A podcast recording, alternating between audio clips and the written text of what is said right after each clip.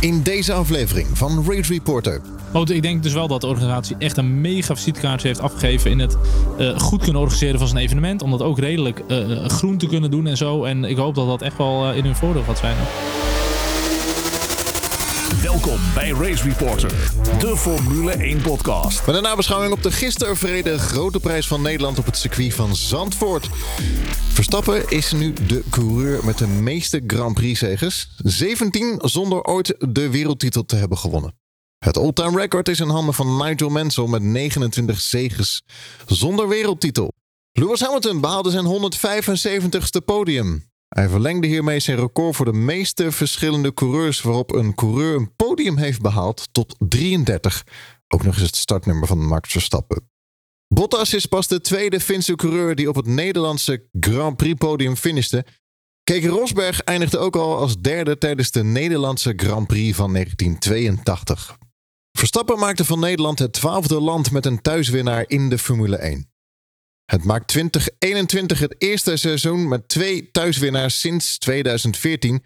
Nico Rosberg was de laatste coureur anders dan Lewis Hamilton die een thuisoverwinning behaalde. De Duitse Grand Prix 2014. Na de eerste negen ronden van de race op Zandvoort te hebben geleid, werd Max Verstappen de negentiende coureur die in zijn Formule 1 carrière duizend raceronden heeft geleid. Dit was de honderdste Grand Prix waarin Max Verstappen punten scoorde. Race Reporter, de Formule 1 podcast. Het vijfde seizoen van Race Reporter, de Formule 1 podcast, aflevering 107.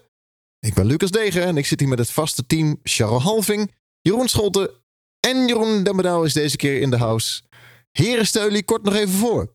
Ja, ik ben Charles Halving, uh, passie voor podcasten, altijd op zoek naar toffe autosportervaringen en ik doe nog iets met online, nou, iets online. Iets online, stukje online. Ja, en ik ben dus uh, Jeroen Demmendaal. Ik uh, schrijf. Ik heb een uh, Checo Perez petje sinds drie dagen. En ik ben weer terug in mijn geliefde Haarlem. Hij staat je wel goed hoor, hè? Hij staat erg goed, ja. Oh ja Nummer 11 ook. Heb je niet veel in Nederland? Nee, precies. Nee. Ik zag al die 33 petjes daar rondlopen. Ik denk, nou, ja, heb je die gezien? 33, heb je daar 33 ja, petjes? er waren er wel een 1 of 2. Ja, Oké. Okay. En ik ben uh, Jeroen Scholt en ik was uh, als enige Nederlander niet in uh, Zandvoort dit weekend. maar ik heb wel lang uit op de bank gelegen het hele, hele weekend. Alles gezien, alles gevolgd. Dus ik had een perfecte dag.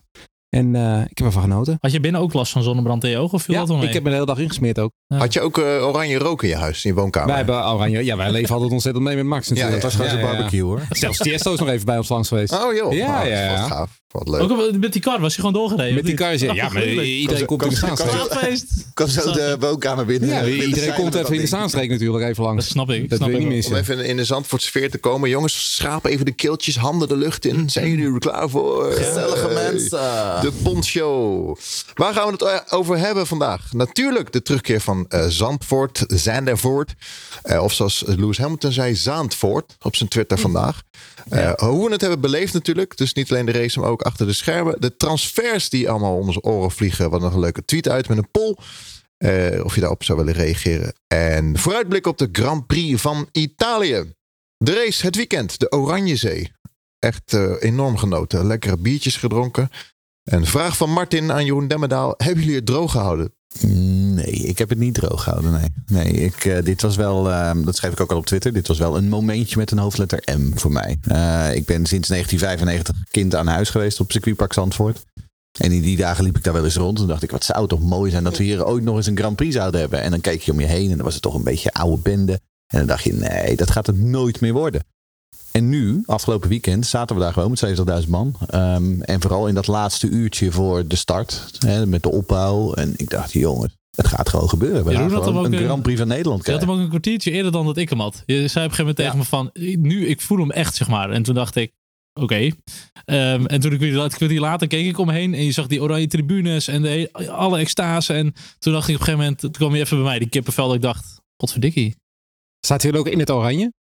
Nee, dat nee, dan weer niet. Geen oranje shirtjes. Maar de, we waren wel omringd door oranje. Ja, ja dat kun je niet Kijk, En vervolgens dan uh, gaat Davina Michel, die gaat dan het uh, Wilhelmus zingen. Ja. Wat ze trouwens uitstekend deed, mogen we dat even gezegd ja. hebben. Zo. Um, ja, en dan sta je op en dan even met hè, de hand op het hart aan Napoleon. Nou, dat was toch wel een momentje hoor. En wat vond je van Mental Tio? Ik vond Mental Tio heel goed. Mental Tio heel goed. Ja, ik vond op, vrij, op vrijdag hadden we een, een of andere, op vrijdag hadden we een, een of andere hardhouse DJ. Dat vond ik echt drie keer niks. Dat was echt uh, heel treurig. Maar um, nee, ik vond Mental Tio die gewoon lekker eh, 90s happy hardcore aan elkaar stond te mixen. Ja, ik, eh, daar ging ik wel goed op, ja. Je moet Oké. ervan houden. En ik hoorde ook wel mensen die er niet zo van waren. taste. Maar ik denk met gezien de, de doelgroep die er was. Ja, die happy hardcore ging vroeger altijd vrij Jeugd- goed op. het Om is eh, drie uur s'nachts om naar de Getver.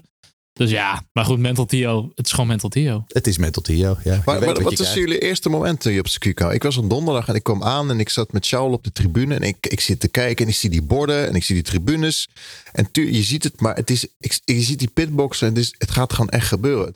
Maar toch, along the way groei je erin in het weekend. Wat je net ook zei. Maar wanneer was jullie eerste moment dat je op het circuit kwam? Nou, voor, voor mij is het misschien anders. Want ik heb natuurlijk al die mediadagen meegekregen. De, de planning, de verbouwing en zo. En dat vond ik al echt insane. Dat het circuit opgeleverd werd met die opening met Max. Dat je dacht van wow, het circuit is nu Formule 1 waardig. En dat ik hier woensdag kwam voor Alpine. Dan zie je in één keer dat hele Formule 1 circus staat daar. En ook die pitbox, die waren natuurlijk uitgebreid aan de achterkant. Daar zaten weer twee lagen op eh, aan gebouwen.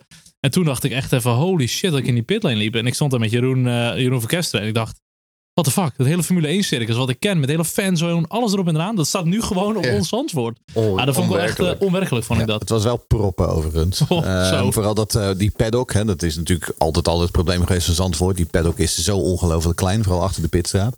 Ehm, en de pitstraat zelf was ook wel een beetje krap. Maar ehm, ja, om op jouw vraag terug te komen, Lucas. Ik kwam aan op vrijdagochtend.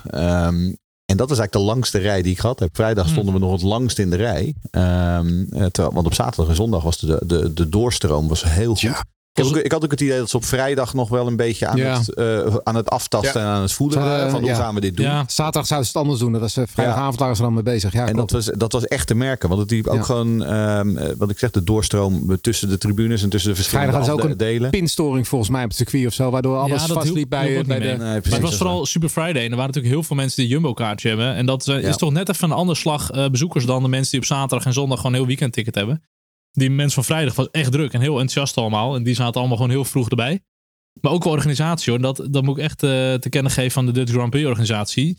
Eh, ze evalueren zoveel en ze schakelen daar zo snel op om bepaalde problemen te voorkomen of eh, bezoekersstromen weer te sturen. En eh, Ja. in, per dag is dat verschillend. En dat hebben ze echt top gedaan naar mijn inziens. Toen, toen ik aan kon lopen, was het, ik zat bij gate 1, 2, was dat gewoon een mannetje. Die was zondag zijn stem kwijt, maar goed. Die zei, hou je paspoort bij, hou je, pak je QR-code erbij. We willen geen rijden, jullie ook niet. Ik heb echt niet één moment in de rij gestaan. Behalve voor een burger.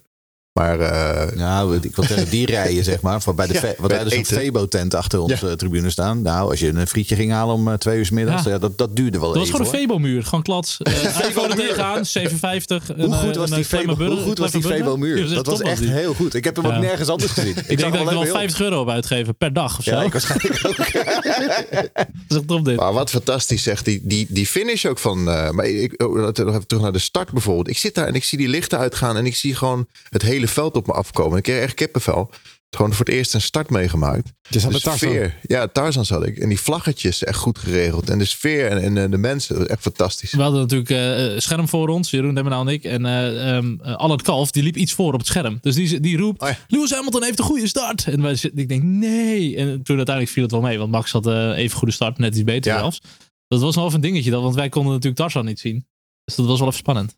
Nee, we moesten het inderdaad hebben van, geen van de schermen? ja. Jawel, maar Ja, die liep hadden iets achter op eh Ja, oh, ja. En ik moet eerlijk zeggen, de schermen, als ze luisteren eh, qua evaluatie, de schermen mogen wel wat groter. Want op Spa hadden ze echt een hele vrachtwagen waar een, een scherm uit kwam. Ja, maar die haperde ook regelmatig hoor. Daar hebben veel maar problemen mee. Die waren wel wat groter dan op eh Zandervoort. Maar we hebben echt genoten. Het was echt fantastisch. Ook nul file, hè? Ik vind het echt heel Nou, knap. Daar wil ik wel over hebben. Want ik weet nog dat dit aangekondigd werd destijds. En een van de eerste dingen die wij allemaal tegen elkaar zeggen. Hoe ga je er komen? eh, chaos. Ben, ben je wel eens naar Ja. Zandvoort gegaan? Ehm, maar uiteindelijk, ehm, en ook dat weer hè, eh, een pluim aan de organisatie, Ja. aan Jan Lammers en al zijn eh, vriendjes. Ehm, de verkeerschaos, het verkeersinfarct, wat we allemaal eh, eh, vreesden, is gewoon uitgebleven. Uiteindelijk blijkt gewoon Zandvoort helemaal hermetisch afsluiten. Iedereen via de fiets en de trein sturen. Dat werkt gewoon. Ehm, en ja, ook Haarlem, want ook in Haarlem waren er nog wel wat zorgen van, ja, maar dan eh, wordt het hier allemaal een zootje. Nee, helemaal niet gewoon. Dus eh, dat, en dat is ook voor de organisatie natuurlijk goed. Die kunnen nu ook zeg maar naar hè, de politiek eh, en naar de bredere samenleving in Nederland zeggen, kijk, wij kunnen dit doen. Ja. Wij kunnen dit op een verantwoorde manier doen. Hetzelfde als met die hele eh, recycling dingen, met die, met die muntjes. Ja, het was een beetje gedoe met die muntjes, maar als je om je heen keek, er lag nauwelijks rotzooi op, op de grond. Ja. Bevrijdingspop in Haarlem is erger. Maar Ik had echt voorspeld fietsfiles, mensen Ja. die onderuit gaan, ambulance, weet ik wat. Eh, eh, eh, met de trein, als er één ding misgaat, heb je een groot probleem. En Misschien mensen die toch met de auto dichtbij proberen te komen. Maar van wat ik heb gehoord en gelezen, is het echt... eh Het scheelde wel dat ik er niet bij was, hè? Dat is waar, dat is Ik waar. kan echt niet rijden. jij, dus Nee, ja. dat gaat er echt mis. Dat is waar. Nee, maar het scheelde, nou, het scheelde natuurlijk wel een beetje dat 30% niet mocht komen. Ja, dat maar is ook dan wel nog- zo, ja. 70.000 man per dag is nog steeds heel veel. Is nog steeds heel veel. Maar goed, Ja, dan kunnen ze nu bijschaven aan het plan wat dat er beter kunt. En dan volgend jaar volle bak. Dan moet het Ja. ook gewoon goed kunnen gaan. Ja. Nou, nog wel een leuk, leuk dingetje. Er was één file op zondag op de terugweg. En Jeroen Demmenau en ik die zaten op de fiets. En we haalden gewoon een Ferrari in. En daar zat ene Charles Leclerc in met zijn vriendinnetje. Dat heb Ah. ik gezien. En dus wij een duimpje omhoog en een duimpje terug. gewoon Ja. zo Hollands. Heerlijk. Dat is echt super lachen. Ja, ook dat is Zandvoort, hè? Ja. Ik bedoel, het maakt niet Ja. uit of je eh, Piet uh, Paulusma bent of je bent Ja. een, eh, eh, een dik verdiende Formule 1 coureur. Maar uiteindelijk, als je, met, de- als je met de auto Zandvoort uit moet, sta je Ja. gewoon in de file. Of je bent lekker eh, band met je fiets. Ja, Ja. Dat, dat, Dat kan is ook soms gebeuren. ook, ja. Maar dat gebeurt alleen met eh, eh, podcasters met een baard. Over Oh. Oer-Hollands gesproken. Waarom hebben wij niet een uh, grote schaal Mora uh, bitterballen? Ik zie dit hele weekend al voorbij komen met Jack Ploy en en Olaf Mol. Nee, ik, ik, Nee, hoor, joh, ik hoor net... je- bitterballen van Mora. Ik, ik hoorde je even 50 euro per dag en er zo'n snacks op hebt. Ik denk even alleen een watertje. Ja, misschien moet ik even letten een beetje. Nog één dingetje wat ik wil zeggen over de beleving. Echt super bedankt iedereen. We hadden gewoon een soort van meet and greet race reporter eh, eh, gathering. Super tof. Allemaal leuke mensen bij elkaar. Rob eh, de Voogd. Die Ja. heeft ons logo gewoon Dat is eh echt heel vet. Heeft Ja, ons had, logo jij, gedaan. had, jij onze, had jij onze advocaat al uh, op Nee, dat, Want ik bedoel, dat is natuurlijk ook een inbreuk die is op vrij ons, op maandag. Van confisceren dat Ja. shirt, die wil ik hebben. Ik wil Ja. zeggen, het is gewoon inbreuk op ons portretrechten. Maar echt fantastisch. Ik heb echt genoten. Echt iedereen gezien. Karine hebben we gezien. Ik weet allemaal niet meer iedereen. We hebben zelfs mensen gezien die we op Twitter kennen en die, die we niet van gezicht herkennen. Ja. Dat je met mensen in gesprek bent van, hé, wie, wie ben je nou? Dat- Ja, dat Oh, was, absoluut. dat was een van onze luisteraars. Die begon tegen mij aan te praten alsof, alsof ik hem al tien jaar kende. Ja, En toen dacht ik, nou ja, dat zal wel een luisteraar zijn. En toen bleek het inderdaad eh, Marvin, eh, Marvin Bosma. Ja, en Eh, Rijn hebben we nog gezien. Nou, echt heel ik, veel. hey, dat, dat is leuk. Ja, nu, nu weet ik inderdaad wie je bent. Maar ja. Rijn Andri, bijvoorbeeld, die was ook bij onze gathering. Ja. Woont eh, in de buurt van Haarlem. Die heeft een vraag aan ons allemaal, geloof ik. Eh, wat vonden jullie, sorry Jeroen Scholte, van Zandvoort los van de win van Max? Wat was jullie mooiste, gekste, leukste moment van het weekend ter plekke? Ja, daar hebben eigenlijk net al een beetje besproken. Ik vond de gathering vond ik heel erg leuk. Gathering, nou, die waren er niet. Nee, dat is een band die, die mogen niet optreden. Anneke van Giersbergen speel, was er nou juist niet. Je bedoelt Maar- eh, Race Reporter Gathering. Ja, Ja. Nee, maar als ik puur gewoon kijk naar mijn persoonlijke mooiste moment van het weekend. ehm, dat vond ik wel. Het, het was wel een mooie timing eigenlijk. Want wij liepen even richting de paddock. En op dat moment kwam eh, dat eh, mini-hummertje van Max langs rijden. Weet je wel, met die beker erop. Max erachteraan. En eh, die ging natuurlijk langs de paddock. Ging het hek even open. We mochten eigenlijk helemaal niet meer op de paddock komen zondag. Maar goed, we liepen zo achter het karretje aan. Zo de paddock op. Nou ja, prima natuurlijk. En toen liepen we even zo mee naar die motorhome. En ik vond het heel vet om te zien. Dat Max liep die motorhome in. En Christian Horner liep net naar buiten ook. Die feliciteerde nog eventjes.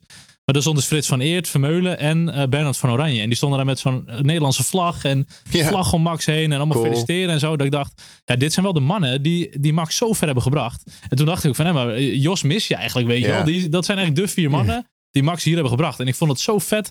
Ik had met Jeroen Verkester ook over. Het is net alsof hij nu de Formule 1 heeft uitgespeeld. Weet je wel? Winnen in Nederland als Nederlands coureur. Ja, dat is, dat is echt dat is nog wel één iets dat je nog even moet winnen. hè? tuurlijk, wereldkampioen. Maar als je puur kijkt naar races, Ja. mooier als dit gaat Ja. het voor mij niet worden. En ja, ik vond dat voor mij persoonlijk vond ik een heel mooi moment dat ik er met mijn camera onderaan die trap stond van die Cool. motorhome en ik zie hoe dit zich afspeelt. Vond ik echt wel, eh, wel tof. Nou, ik had het mooiste moment. Dat was toen eh, eh, Lucas en ik gisteren inderdaad door het dorp fietsten in Zandvoort. En eh, wat ik eerder al zei, ik ben er heel veel geweest. En Zandvoort, hè, het is niet meer echt in zijn hoogtijdagen. wat- Zoals het bijvoorbeeld in de jaren tachtig was. En ik keek om me heen en ik dacht, jeetje, Zandvoort leeft weer. Ja. En ik denk dat dat misschien wel het mooiste is. Wat ik het afgelopen eh, weekend een aantal keer gezien heb. Als ik in het dorp was. Zandvoort was echt levend. Het was springlevend. Eh, Er waren zoveel mensen. Er was zoveel feest. Er was zoveel plezier.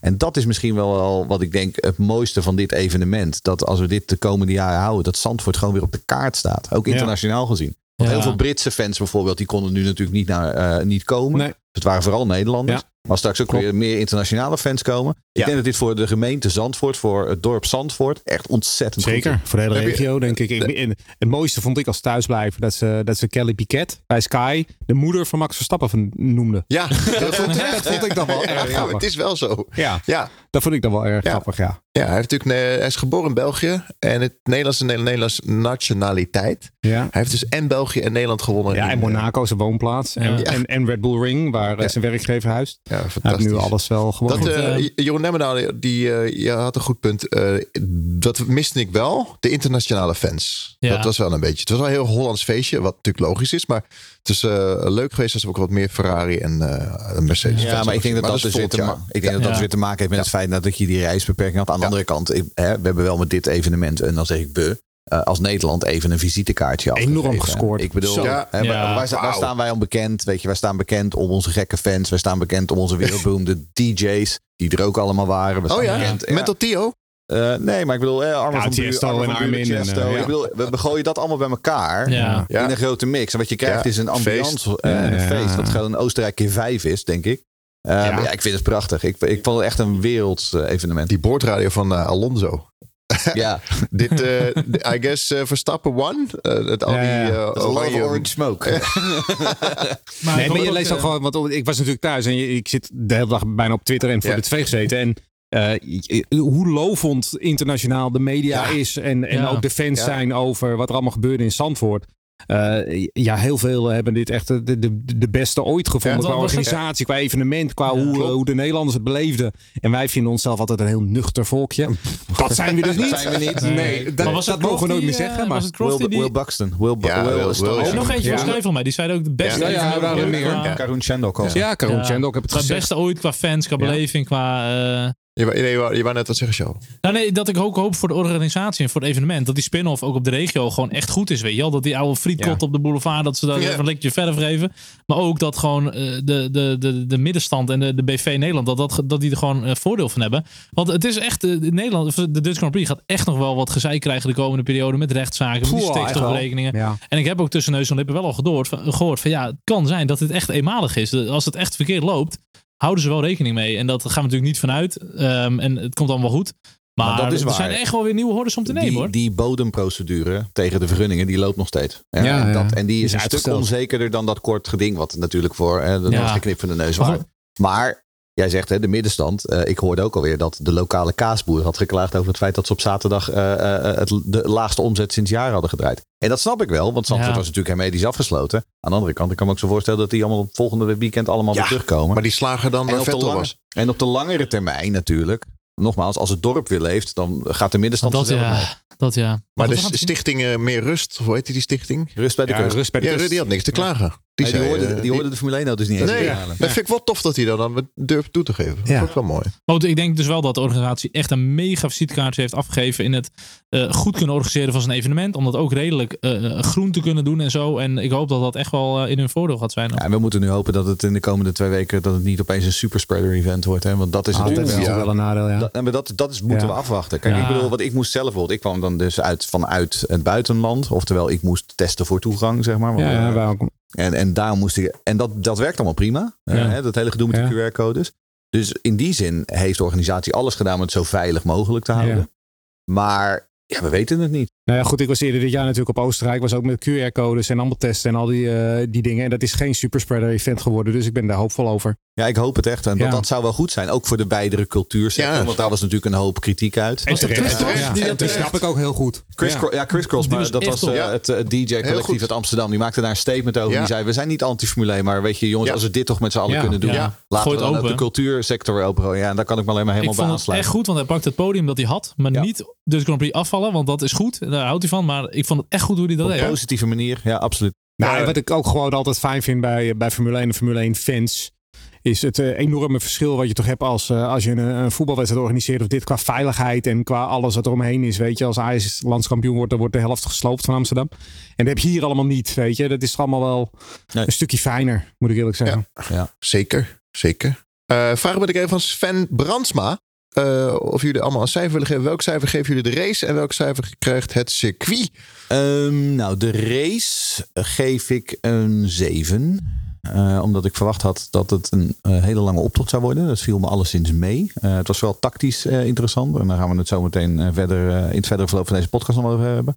Eh, welk cijfer krijgt het circuit? Zandvoort krijgt voor mij altijd een 10. Oh, keurig hoor. Keurig. Nou, ik, ik zei het vorige week al dat het is wel een beetje een mini Suzuka, zeg maar. De baan is wel een beetje genadeloos. Het blijft wel veel bocht, een beetje krap. Ik vind het fenomenaal. Ehm, maar het was alsnog best een aardige race. Als je ziet dat iedereen toch redelijk had gekwalificeerd, wij zo'n beetje verwacht. je gooit daar een keer wat regen in de mix of safety car, want die hebben we nu ook niet gehad. Klopt, ja. Geen- geen rode Dan vlag. heb je echt helemaal spektakel. Maar goed, de race, eh, nou, 7,5. En qua circuit zelf, denk ik, de, Geen zouden echt oh, nog wat halve punten, verbeteringen... tuurlijk. Charles, je zeven, half zeven en een punten, half, ja. absoluut. Hey, en qua, qua circuit zelf, dan denk ik de infrastructuur rondom het circuit. Dat heb je bijvoorbeeld in Oostenrijk heel erg. Die looppaden zijn allemaal van die platen of, of geasfalteerd of zo. En dat is voor de doorstroom echt goed hoor. En dat, die, het zijn nog wel van die paden hier, zeg maar. Dus ik denk meer om het circuitkant beter. Eh, en ik hoop wel qua race zelf op het circuit dat de DRS gewoon in de Luijendijk open kan volgende keer. Goed, al met al toch een, eh, een 8,5 voor mij. En ik eh, ga dan voor de race ga ik toch voor 6,5. Ehm, ik had on- onwijs veel spanning gedurende die wedstrijd. En eh, dat- wordt dan een hele grote ontlading en alles. En een oranje feest. Dan zou ik hem eigenlijk misschien ook wel een 7,5 willen geven. Maar als ik dat allemaal even wegdenk, dan denk ik dat de race niet meer dan een 6,5 was geweest. Als Zonder het op- oranje bril, zeg maar. als het op eh, één er ja. an- een ander circuit was geweest, dan denk ik dat ik gewoon een 6,5 zou hebben gegeven. Eh, qua circuit vind ik dit wel echt een dikke 9. Die staat gewoon in de top 3 van Ja? circuits die op dit moment op de kalender staan. Ja, wel. Silverstone in zijn huidige vorm is echt niet beter dan, Nee, eh dan Zandvoort. Hugenot bijvoorbeeld. Absoluut. Ja, Wat fantastisch. bocht, De Hugenot, ja, geweldig. Het zakt in een Verschillende soort van lijnen. kuilen en dan worden ze er weer uitgelanceerd. Het is een waanzinnige bocht Ja, die vind ik echt bizar vet Maar ook het schijfvlak en ook de Luiendijk en alles eigenlijk. eh, het is gewoon echt, dat circuit is gewoon geweldig. Nou, wel de Hugenot. Hè? Want de Hugenot was natuurlijk altijd al een knelpunt. Ook op Ja. de oude Zandvoort. Ja. Want je hebt dat hele smalle Ja, ja. paadje zeg maar, tussen Ja. het rechte stuk en de Hugenot. En ik dacht, ja, hoe gaan ze dat oplossen? En als je nu ziet inderdaad dat ze... De, het, deed mij denken aan de, aan de oude carousel op de oude Nürburgring. Ja, Eh, Die daar, wel, daar ja. doet hij me aan denken. Ja. Eh, want da- daar, daar ga je ook een beetje eh, half, eh, eh, door, half in de banking doorheen. En je kunt dus al die verschillende lijnen rijden. Het gaat niet altijd goed. Kijk, vraag maar aan Martens in de Formule 3 race. Ja. Als je denkt van nou, ik duik even aan de binnenkant. En dan, Het zag er ook extremer uit, omdat die Aramco branding was best wel Ja. ver. En dan denk je, wat, ze rijden over die verre veen. Terwijl Ja. eigenlijk is het nog gewoon baan. Maar dat geeft wel extra dat je denkt, oh, die gaan echt heel wijd. Had je daar nou minder grip, denk je, op, die, op dat verf? nou, niet, je hebt geen, niet meer grip volgens mij. Dat Nee, nee, dat is heel wat zijn. Nou, alhoewel, als het eh, eh, net als op Ricard eh, met... eh, met zand erin, ja, zand erin. Nee, ik sluit aan bij Jeroen Scholten, 6,5 uh, oranje bril af. En ik geef het een 8. Waarom? Omdat ik Spa-Francorchamps een 10 geef. En ja, ik vind Zandvoort niet echt een 9 eerlijk gezegd. Ik vind het een hele mooie baan. Vooral met die bochten inderdaad, de kom, kombochten. Maar ik, ik eh, vind Spa een 10. Maar het probleem blijft ook Ja. gewoon met de huidige auto's. Dat die nog steeds gewoon te groot zijn om echt goed close te kunnen racen. Ja, tenzij je echt zo'n Paul Ricard hebt of zo, eh, een parkeerplaats. Maar Ja, maar die auto's moeten ook gewoon kleiner om beter te kunnen racen. En dat, is, dat blijft echt een ding. Dat, Ook- zag je, dat is waar ook je op hoopt. Die tweede Formule 3 race op eh, zaterdagavond. Dat was echt een spektakelstuk. Nou, dat Die is de enige race die ik die vermist heb dit weekend. Ja, die was, maar kijk, hem, kijk hem terug als je kan. Want die was echt uitstekend goed. En ik moet eerlijk zeggen, eh, qua inhalen is het me gewoon meegevallen. Ik dacht dat het Ja, een soort van, nou, zeker. net geen Monaco zou worden. Maar eh, er zijn eh, best wel circuits te vinden die op de kalender staan. Die gewoon minder inhaalmogelijkheden hebben. Zoiets als Barcelona of zo. Daar Ja, kan je nog minder. Dat is het inhalen minder Ja. ja, Hungaroring. Noem maar op. Abu Dhabi. Dat zijn, dat zijn circuits waar het nog lastig is. Het, het, het is hier best te doen. Zeker met de auto's van volgend jaar. Het is niet makkelijk, maar het is wel te doen. Hoe was de reactie van de coureurs? Want dat zijn dingen die ik echt ja, die vonden, alles, die, die vonden het helemaal fantastisch om daar te rijden. Ja, Hamilton, zijn eh, afsta- Hamilton zijn afloop dat dit een van zijn uh, Ja. circuits was. Ja. Zoals voor Kubica lijkt me best wel een heel lastige race. Want hij heeft natuurlijk al best wel moeite met, met zijn hand en zijn stuur. Ja. En het is natuurlijk constant werk in die auto. Ja, en als je Eh, zomaar ineens instapt als je ja, vrijtraining 1 en 2 al dat mist, is het natuurlijk helemaal wel eh, knap wat hij deed. Maar eh, Wat, wat ik had verwacht is meer eh, een Trudy train. Maar Max reed echt ja, best wel snel is gestopt. Nee. Maar ik had Nou, veel meer, meer, meer compact verwacht. William, het uh, hoe heet die, eh, George Russell had op een gegeven moment wel een treintje achter zich aan. Hè? Die, ik geloof dat Lance Stroll de hele wedstrijd achter George Russell gezeten. Ja. Eh, dat, dat, dat, dus die hield wel een beetje wat mensen op. Jeroen Schotten, vraag ik binnen van AJ Ar- Aronson. AJ Aronson. Ja, AJ Aronson. De Grand Prix van Nederland was een daverend succes. Buitenlandse media lyrisch. Wat vinden jullie van de rol van de Nederlandse media erin? Met name de negatieve insteek hierin. Nou, ik vond over het algemeen de Nederlandse media wel positief. Dus eh, daar heb ik niet zo heel veel negatiefs over. Het negatieve wat ontstond was door, door, door, door oude zeurenkouwen zoals Nico Dijkshoorn en, en dat soort mensen. Ook die, daar dan, eh, die gaan er verschrikkelijk over, over zeiken en heel cynisch over lopen doen. Eh, Johan Derksen die maar blijft roepen dat de overheid hier veel aan betaald heeft. Nou, dat is niet zo. En kijk, ze hebben natuurlijk wel gesteund met, met vergunningen. En ze hebben met, met het openbaar vervoer geloof ik dingen gedaan. Maar ze hebben, het circuit zelf is helemaal niet onderhouden. Bovendien, in Assen hebben ze ook ooit eens verbouwingen gedaan met overheidsgeld. Dus het is allemaal een beetje... Hè, wat die Dirk allemaal loopt te roepen, is ook allemaal een beetje overdreven negatief. Dus daar stoor ik me dan wel aan. Eh, maar over het algemeen vond ik iedereen wel heel positief eigenlijk. Ja, ik denk dat je vooral, de, wat ik ook al zei met die, die rare column die op een gegeven moment in de Volkskrant stond. Weet je, lees het. Oh, eh, Deel- Teun van de Keuken. deel- ja, deel Teun het- van de Keuken. Deel het gewoon niet. Negeer Ja. het gewoon. Ik Die bedoel- normaal gesproken kijken of er wel genoeg zit eh, lever in leverworst of zo. Ik bedoel, weet je, en, en ik vind Nico Dijkshoorn een, een wereldvent. Ik ook. Maar in dit geval dacht ik, ja, sorry Nico, ik, ik denk niet dat ik jouw mening heel erg belangrijk vind. In de, in Nou, ik, vind, ik, vind hem vooral heel geweldig schrijven. ja, absoluut. En ik, en, en, en ik lees de columns, eh, vooral over voetbal, heel erg graag. Maar in dit geval iets van, ja, heel zuur. Mag hij dat zeggen? Eh, Marcel Mees mag het alleen zeggen. mag ik dit zeggen? Ja, maar Nederlanders zijn toch vaak wel een beetje pessimistisch totdat ze het hebben gezien. En dan Ja, ik, ik, was er even van. Nou, en nogmaals, ik, ik, en wat, wat we hebben het wel, wat, wat natuurlijk de gemene deler is, dit zijn mensen uit de cultuursector die inderdaad, wat, wat Nico schreef ook op Nico Dijkshoorn schreef ook van, hij zegt, ik, als ik eh, wil voorlezen voor 20 man, dan, moeten- dan, dan moeten we ons voorbereiden qua veiligheidslevel alsof het oorlog is. En denk ik, dat snap ik. Ik snap de frustratie heel erg. Ja. Ik snap die frustratie echt. Maar ik vond het irritanter bij hem dat hij het Formule 1 fans een beetje wegzet als eh, al dat gejank en al dat gedoe en al die overdreven. Maar hij is ook een man van de sport, want hij is heel erg gesteld op voetbal. Dus hij weet hoe het is voor mensen die al jarenlang die sport volgen, wat dit allemaal voor impact heeft gehad, gewoon op ons als fans. Dat moet hij snappen. En dat, Ja, maar- dat vind ik dat zure, dat moet je dan ook even denk- wegzetten. Maar ik denk ook niets menselijks is ons vreemd. En dat, zal, dat geldt ook voor Nico Dijkshoorn. Maar ehm, nee, ik wat ik zeg. En ik denk in die zin, wat, jij eerder al zei, dat die, die, eh, die jongen van Chris Cross die dan op het podium staat. eh, eh, en je Ja. had ook, eh, nu, er is nu zo'n Instagram-account, Volgas voor de Cultuur, waarbij ze een beetje inspringen op de, op de Dutch Grand Prix hype. Vol en, en gas, daarmee vol aandacht- gas. Vol Ja. gas. Heb je daar wel wat van gezegd? Hebben ze een maar magazine? zo Volgas. Ook al een, ook al een advocaat. Ook al advocaat. Goed zo. anders hebben ze zometeen vol gas voor de cultuurmagazine. Volgas voor de Cultuur Magazine. ja. Maar ik, in die zin, wat ik, wat ik wel goed vind, is dat je op die manier op positieve wijze aandacht probeert te vragen voor, voor die problematiek. Jeroen Scholten wil nog een drankje. Wat wil je drinken? Wat wil je drinken? Wat zit je nou weer, wat zit je nou weer te, te, te wijzen? Ja, te eh? Charles die staat hierop en die haalt voor iedereen eh, iets te drinken. Nou, maar ik eh, maar zit hier blijkbaar met een Charles. houten bek. Doe er voor mij ook Wat wil maar je? We- witte 0, 0,0. We hebben een Weizen, we hebben een IPA. Oh, ik vroeg trouwens om... Doe mij maar een IPA, Charles. Zet maar gewoon neer. Ik heb hier de opener. Is, is- gaan, we de- gaan we deze à la Louis, dit knippen we eruit? Nee. Zoek het uit. Ik heb hier de hele tafel volgezet met drankjes. Nou, dan mag ik die IPA. Oké, de volgende vraag volgende van Sander. Die zegt: Heren, zien jullie in de toekomst kans dat er een tweede race in Nederland komt? GP Europa, zoals Schumacher en Alonso hadden met Nürburgring en Valencia. Nou, vind ik een hele goede vraag, Sander.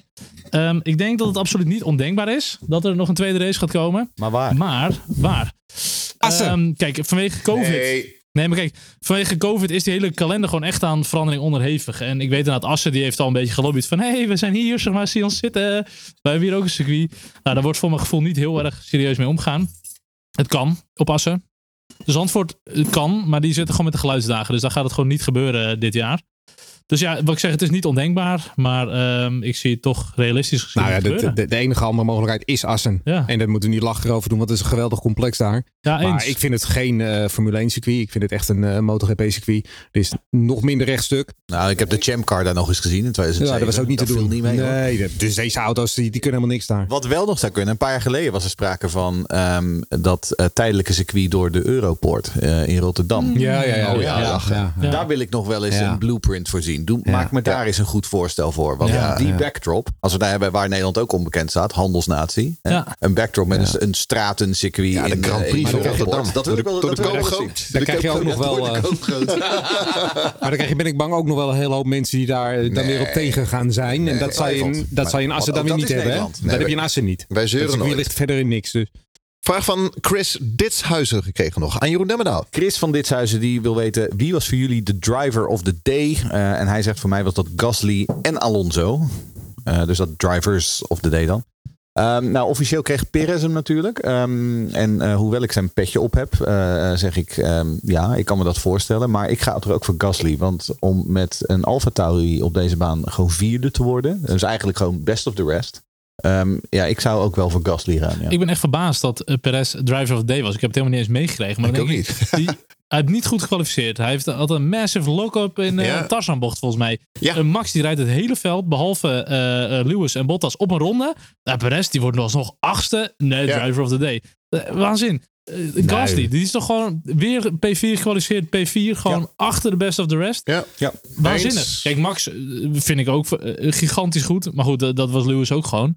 Eh, die hebben gewoon een goede auto. Maar Gasly, wat Ja, hij doet, ik, vind ik echt fenomenaal. Ik zou zelf op Max hebben gestemd, ook omdat de enorme druk waar hij onder stond, dat hij dat uh, gewoon allemaal voor het eerst een home Grand Mm. Dat vind ik wel knap. Maar Gasly was ook een alternatief. Ja, eh eh, Perez, dat moet ik dan wel zeggen als tv-kijker, die maakte de race wel Ja, leuk. dat, dat, dat dat is is het voordeel van iemand in de snelle auto achteraan. En dan heb je een leuke race. Hij Ja. haalde veel in. Ja. Maar waarom was hij in die positie in de eerste plaats? Ja. dan, Maar hij had wel een paar mooie moves ook. eh, Een paar leuke acties echt Tuurlijk, om maar te Gasly zien. haalde Alonso buitenom in, voor- bijvoorbeeld. Ook Ja. in de Tarzan. Dus dacht Ja, ik, weet je, prima. Gasly reed ook gewoon Ja. waar het moest. Reed hij heel agressief en heel strak. Ja. Dus ik zou, ik zou ook voor Gasly gaan. En eh, Alonso voor mij ook eh, is ook Bottas driver of the day. Ik wou Maar daar komen we zo meteen misschien nog wel even op. Ja, nou ja, nee, doe maar nu. Eh, ik Ik vind vond dat het zo mooi dat hij voor de snelste race ronde Ja, ging. ik wou het net dacht, wat zeggen. gebeurt hier nou weer? Ja. Hoe kan je dit nou weer doen? voor mij was het Ja, driver of Ja, the day. vol- volgens mij was daar ook wel meer miscommunicatie bij dat zou Maar we, komen er zo meteen al bij. Mercedes aan. Race Reporter. De Formule 1 podcast. Ja, we gaan eh, naar Red Bull Racing. En natuurlijk eh, een groot feestje van, eh, voor, voor, voor Red Bull. Eh, Christian Horner had een mooie opmerking. Hij was nog nooit op Zandvoort geweest. Hij zei, het lijkt wel alsof ik hier eh, vier, vijf dagen in een eh, nachtclub sta. ik weet niet in wat voor nachtclubs hij zit hoor, maar dat gevoel had ik niet. Ja, dat, dat zei Perez na afloop ook. hè, Want die interviewde ze omdat hij Drivers of the Day was geworden. En Ja. toen zei hij van ja, these guys man, they've been Ja. partying for three days straight. Ja. Ja, Ja. hij vond het ook echt geweldig. Hij zag het ook hoor. Ja, het was niet normaal. Gewoon zo'n oranje waas over het circuit. Wat ik echt wat er mij opviel, dat met de verrekijker op de tribune te kijken. Op een gegeven moment gooide iemand uit het publiek zo'n oranje rooktonnetje op de Mhm. baan. En, en een monteur die rende daar naartoe, die pakte hem erop en die ging zo waven naar het publiek toe. Het was echt super tof om te zien. Ik moet wel zeggen dat ik hoorde dat volgens mij de jongens van Red Bull eh, eh, dinsdagavond, geloof ik dan, eh, dat ze allemaal even naar Amsterdam waren geweest en zo. eh, dat soort dingetjes. Dus die hebben wel even de gezelligheid opgezocht. Ja, zeker. Ja, maar goed, Max, zevende pole position, zevende zege van het seizoen alweer. Terug aan de leiding in het kampioenschap. Ja, niks op aan te merken, Max. Die hebben echt eh, voor mij geen stap verkeerd gezet. En, Zo'n eh, 100, nee, duizend ronde, rondes aan de lijn. duizend Ruim- rondes aan de leiding. Duizend. Ja, Ja. en Nu, nu een stuk of eh, 1040 of zo. 1040. Ja, en de, en de honderdste Ja. Grand Prix waarin hij punten scoorde. Ja, maar de, de, de kwalificatie al, daar zag je al eigenlijk hoeveel overspeed die, die, die Red Bull had. Want hij had natuurlijk al verkeerd geschakeld bij voor mij opkomen Hunzerug, uitkomen de Hugenholz. De, voor mij dat was Hobbeltje, zei ook een engineer tegen mij, dat Ja. hij even één of twee keer opschakelde. Ja. En inderdaad die DRS, die op het rechtstuk echt een, een stukje open ging. En toen, eh, nee, geen zin meer.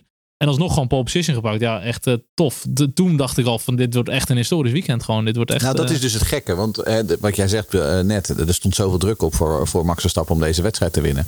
En ik heb me eigenlijk geen moment, gedurende dat hele weekend dat ik daar op Zandvoort stond, ik heb me geen moment zorgen gemaakt of er ook geen moment aan getwijfeld dat Max gaat gewoon deze wedstrijd winnen. Ja. nee. En achteraf bezien, het is ook een beetje wat eh, voor mij onze, eh, onze goede vriend Peter van Vliet schreef op Twitter. Van die, die 0,038 seconden voorsprong op Hamilton. Hm. Die zag er in de werkelijkheid, voelde die een stuk veiliger dan op tv. Ja, zeg maar. En dat was ook zo, want er, was gewoon een ambiance die in, in Ja. feite, die eigenlijk bijna Max naar de pole en naar de overwinning Ja, dat is eh, van de droeg, thuiswedstrijd. zeg maar. En dat was, ehm, dat een Ja. hele rare gewaarwording. Maar dat, dat is ook zo, want de, eh, vooral geen zorg gemaakt om Max zelf eigenlijk. Omdat ik er wel van overtuigd was dat hij met die druk om kan gaan. Maar als je dan als 23-jarig ventje en, en, en drie kwartier voor de race komt even de koninklijke familie bij je langs. En die komt eventjes met je praten. Ja. En, Ja. en dan, Knap, dan besef je wel wat een enorme... Dit was gewoon voor volk en vaderland eigenlijk. Ja, En dat, Ja, dat- eens hoor. En, en dat op de schouders van zo'n jong ventje. Veel meer druk als dit kan je niet Ja. krijgen, denk ik hoor, als Nee, eh, Formule 1 nee. Ja, van goed, misschien een Ja. van het jaar met de wereldtitel. eh, dan, dan, als dat op een laatste race aankomt, dan is er natuurlijk ook heel veel druk. Hij is zo scherp en hij is zo goed en zo stabiel. Hij, hij, hij is natuurlijk ook wat vergeleerd. Ik weet nog dat vroeger, een paar jaar geleden, dat hij naar, op, eh, op Spa ging hij naar de groene camping. Mhm. Voor mij was dat iets te veel eh, prikkels, zeg maar. Dat dus daar is er best denk ik wel van Ja, geleerd. dat heb ik. Ik heb eh, Maar goed, eh, eh, waar was dat in, in Oostenrijk? Nee, in Hockenheim volgens mij. Heb ik ook eens op camping gezeten. Dan kwam hij op een gegeven moment de, de camping op op vrijdag of op donderdag of vrijdagavond volgens mij. Ja. En eh, daar kwam hij met zo'n met zo'n wagen kwam hij en, eh, nog eventjes met mensen en alles. En dat doen ze volgens mij niet meer. Doen ze in Amerika allemaal, hè? Ja. Ja. Ja, ja, dat, hoort er echt bij ja. daar, zeg maar. Dat je Ja. zeg maar, op, Ja. een, op een donderdag of een vrijdag de fans op gaat zoeken op een Ja. camping. Maar goed, Maar we ehm, hebben het over de rijder. Ik bedoel, het team Ja. moeten we het ook even over hebben. Nou, sowieso nee, maar ook puur even qua, qua race. Want ze hebben al gezegd veel. eh, als, als Max die eerste bocht doorkomt en als Bottas hem niet eraf tikt, dat zei die, die engineer letterlijk tegen me, dan is hij weg. Dan is hij gewoon weg. En ehm, ik denk dat Max echt ook heel veel eh, snelheid over had. Want hij reed meteen eh, twee seconden weg. En toen is hij gewoon gaan managen. Want Max weet ook, de kans op een safety car is hier gigantisch. Het heeft geen nut om 10 seconden weg te rijden. Want als die safety car komt, ben jij je banden kwijt. Ehm, qua strategie, Red Bull gewoon spiegelen van wat Hamilton doet. En gewoon meteen acteren. En dat, dat werkte prima. Ik was nog wel even een beetje bang meer op het einde dat hij natuurlijk naar de harde band ging en Lewis naar de medium volgens mij. Dat ik dacht, Ja, joh, kan hij gebruik de, dat? medium, gebruik de medium. Ja, zeker. maar goed, dat, dat ging helemaal prima. En ze hadden niks meer. Ze hadden Ja, niks anders meer, begreep ik. En- en- als jij voor een korte middenstint gaat, dan moet je eerst de gebruikte doen en dan de nieuwe. Ja, eigenlijk wel. En de beide rijders, Perez en, en Bottas, die gingen een beetje eh, in de strategie mixen. Ja, maar goed, ja, Perez is gewoon waardeloos. Want je hebt dus gewoon die rugdekking niet. Nou, dat Max dit in zijn eentje tegen twee Mercedes heeft gedaan, vind ik echt gigantisch knap. En ook vanuit, vanuit Red Bull strategisch. Ehm, ja, maar ze zijn er eh, inmiddels wel aan gewend. Ze zijn wel aan gewend. Ja, Max moet het gewoon doen. Dit is al ja. twee jaar zo of zo. Ja, kijk, in de strijd voor de constructeurs is het voor Red Bull gewoon gigantisch zuur. Als je dan toch eh, aan het kortste eind trekt zometeen. Dat, dat scheelt heel veel geld. Kijk, Perez had wel een goede race, maar het is gewoon echt een bijrol geweest voor de jongen. En eh, ja, dat is wel jammer. Maar ik vond wel dat, dat Max toen op een gegeven moment naar Bottas toe reed. En toen in die Luindijk zo strak erachter. En toen hup.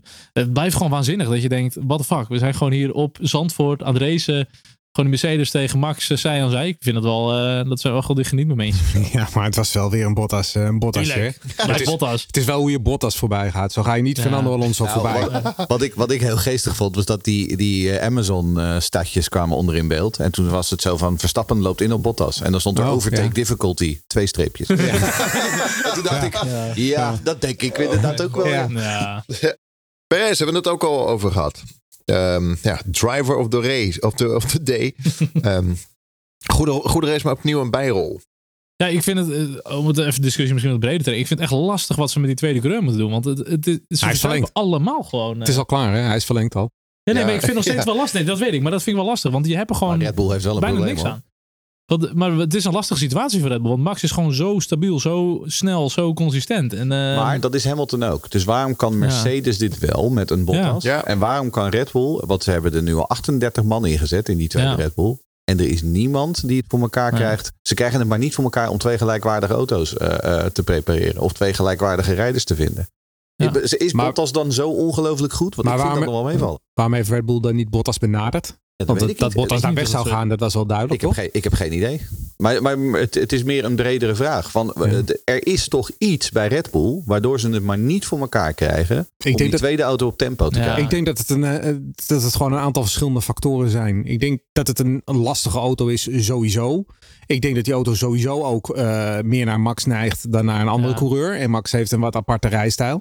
Is het Schumacher 94 Ja, natuurlijk. Ja. Ja. En ik denk ook, en dat heb ik al eerder gezegd, ik denk dat het mentale aspect van naast Max rijden gewoon loodzwaar is voor coureurs. Omdat ja, je, je, je wint jarenlang alles, want dit zijn de beste coureurs. Hè? Dus je bent de junior series, Albon en Gasly, die hebben allemaal van alles gewonnen en leuk gedaan. En dan kom je daar en dan rij je het snot voor je ogen en ben je half seconde langzamer. Altijd. ja. En dat is gewoon killing. En ik denk dat het bij, ja, dat, dat, dat gaat Russell nu ook krijgen naast Hamilton. Wellicht. Dat zijn dingen waar je mee om moet leren gaan. Ik denk dat Ja, Russell dat het wel kan.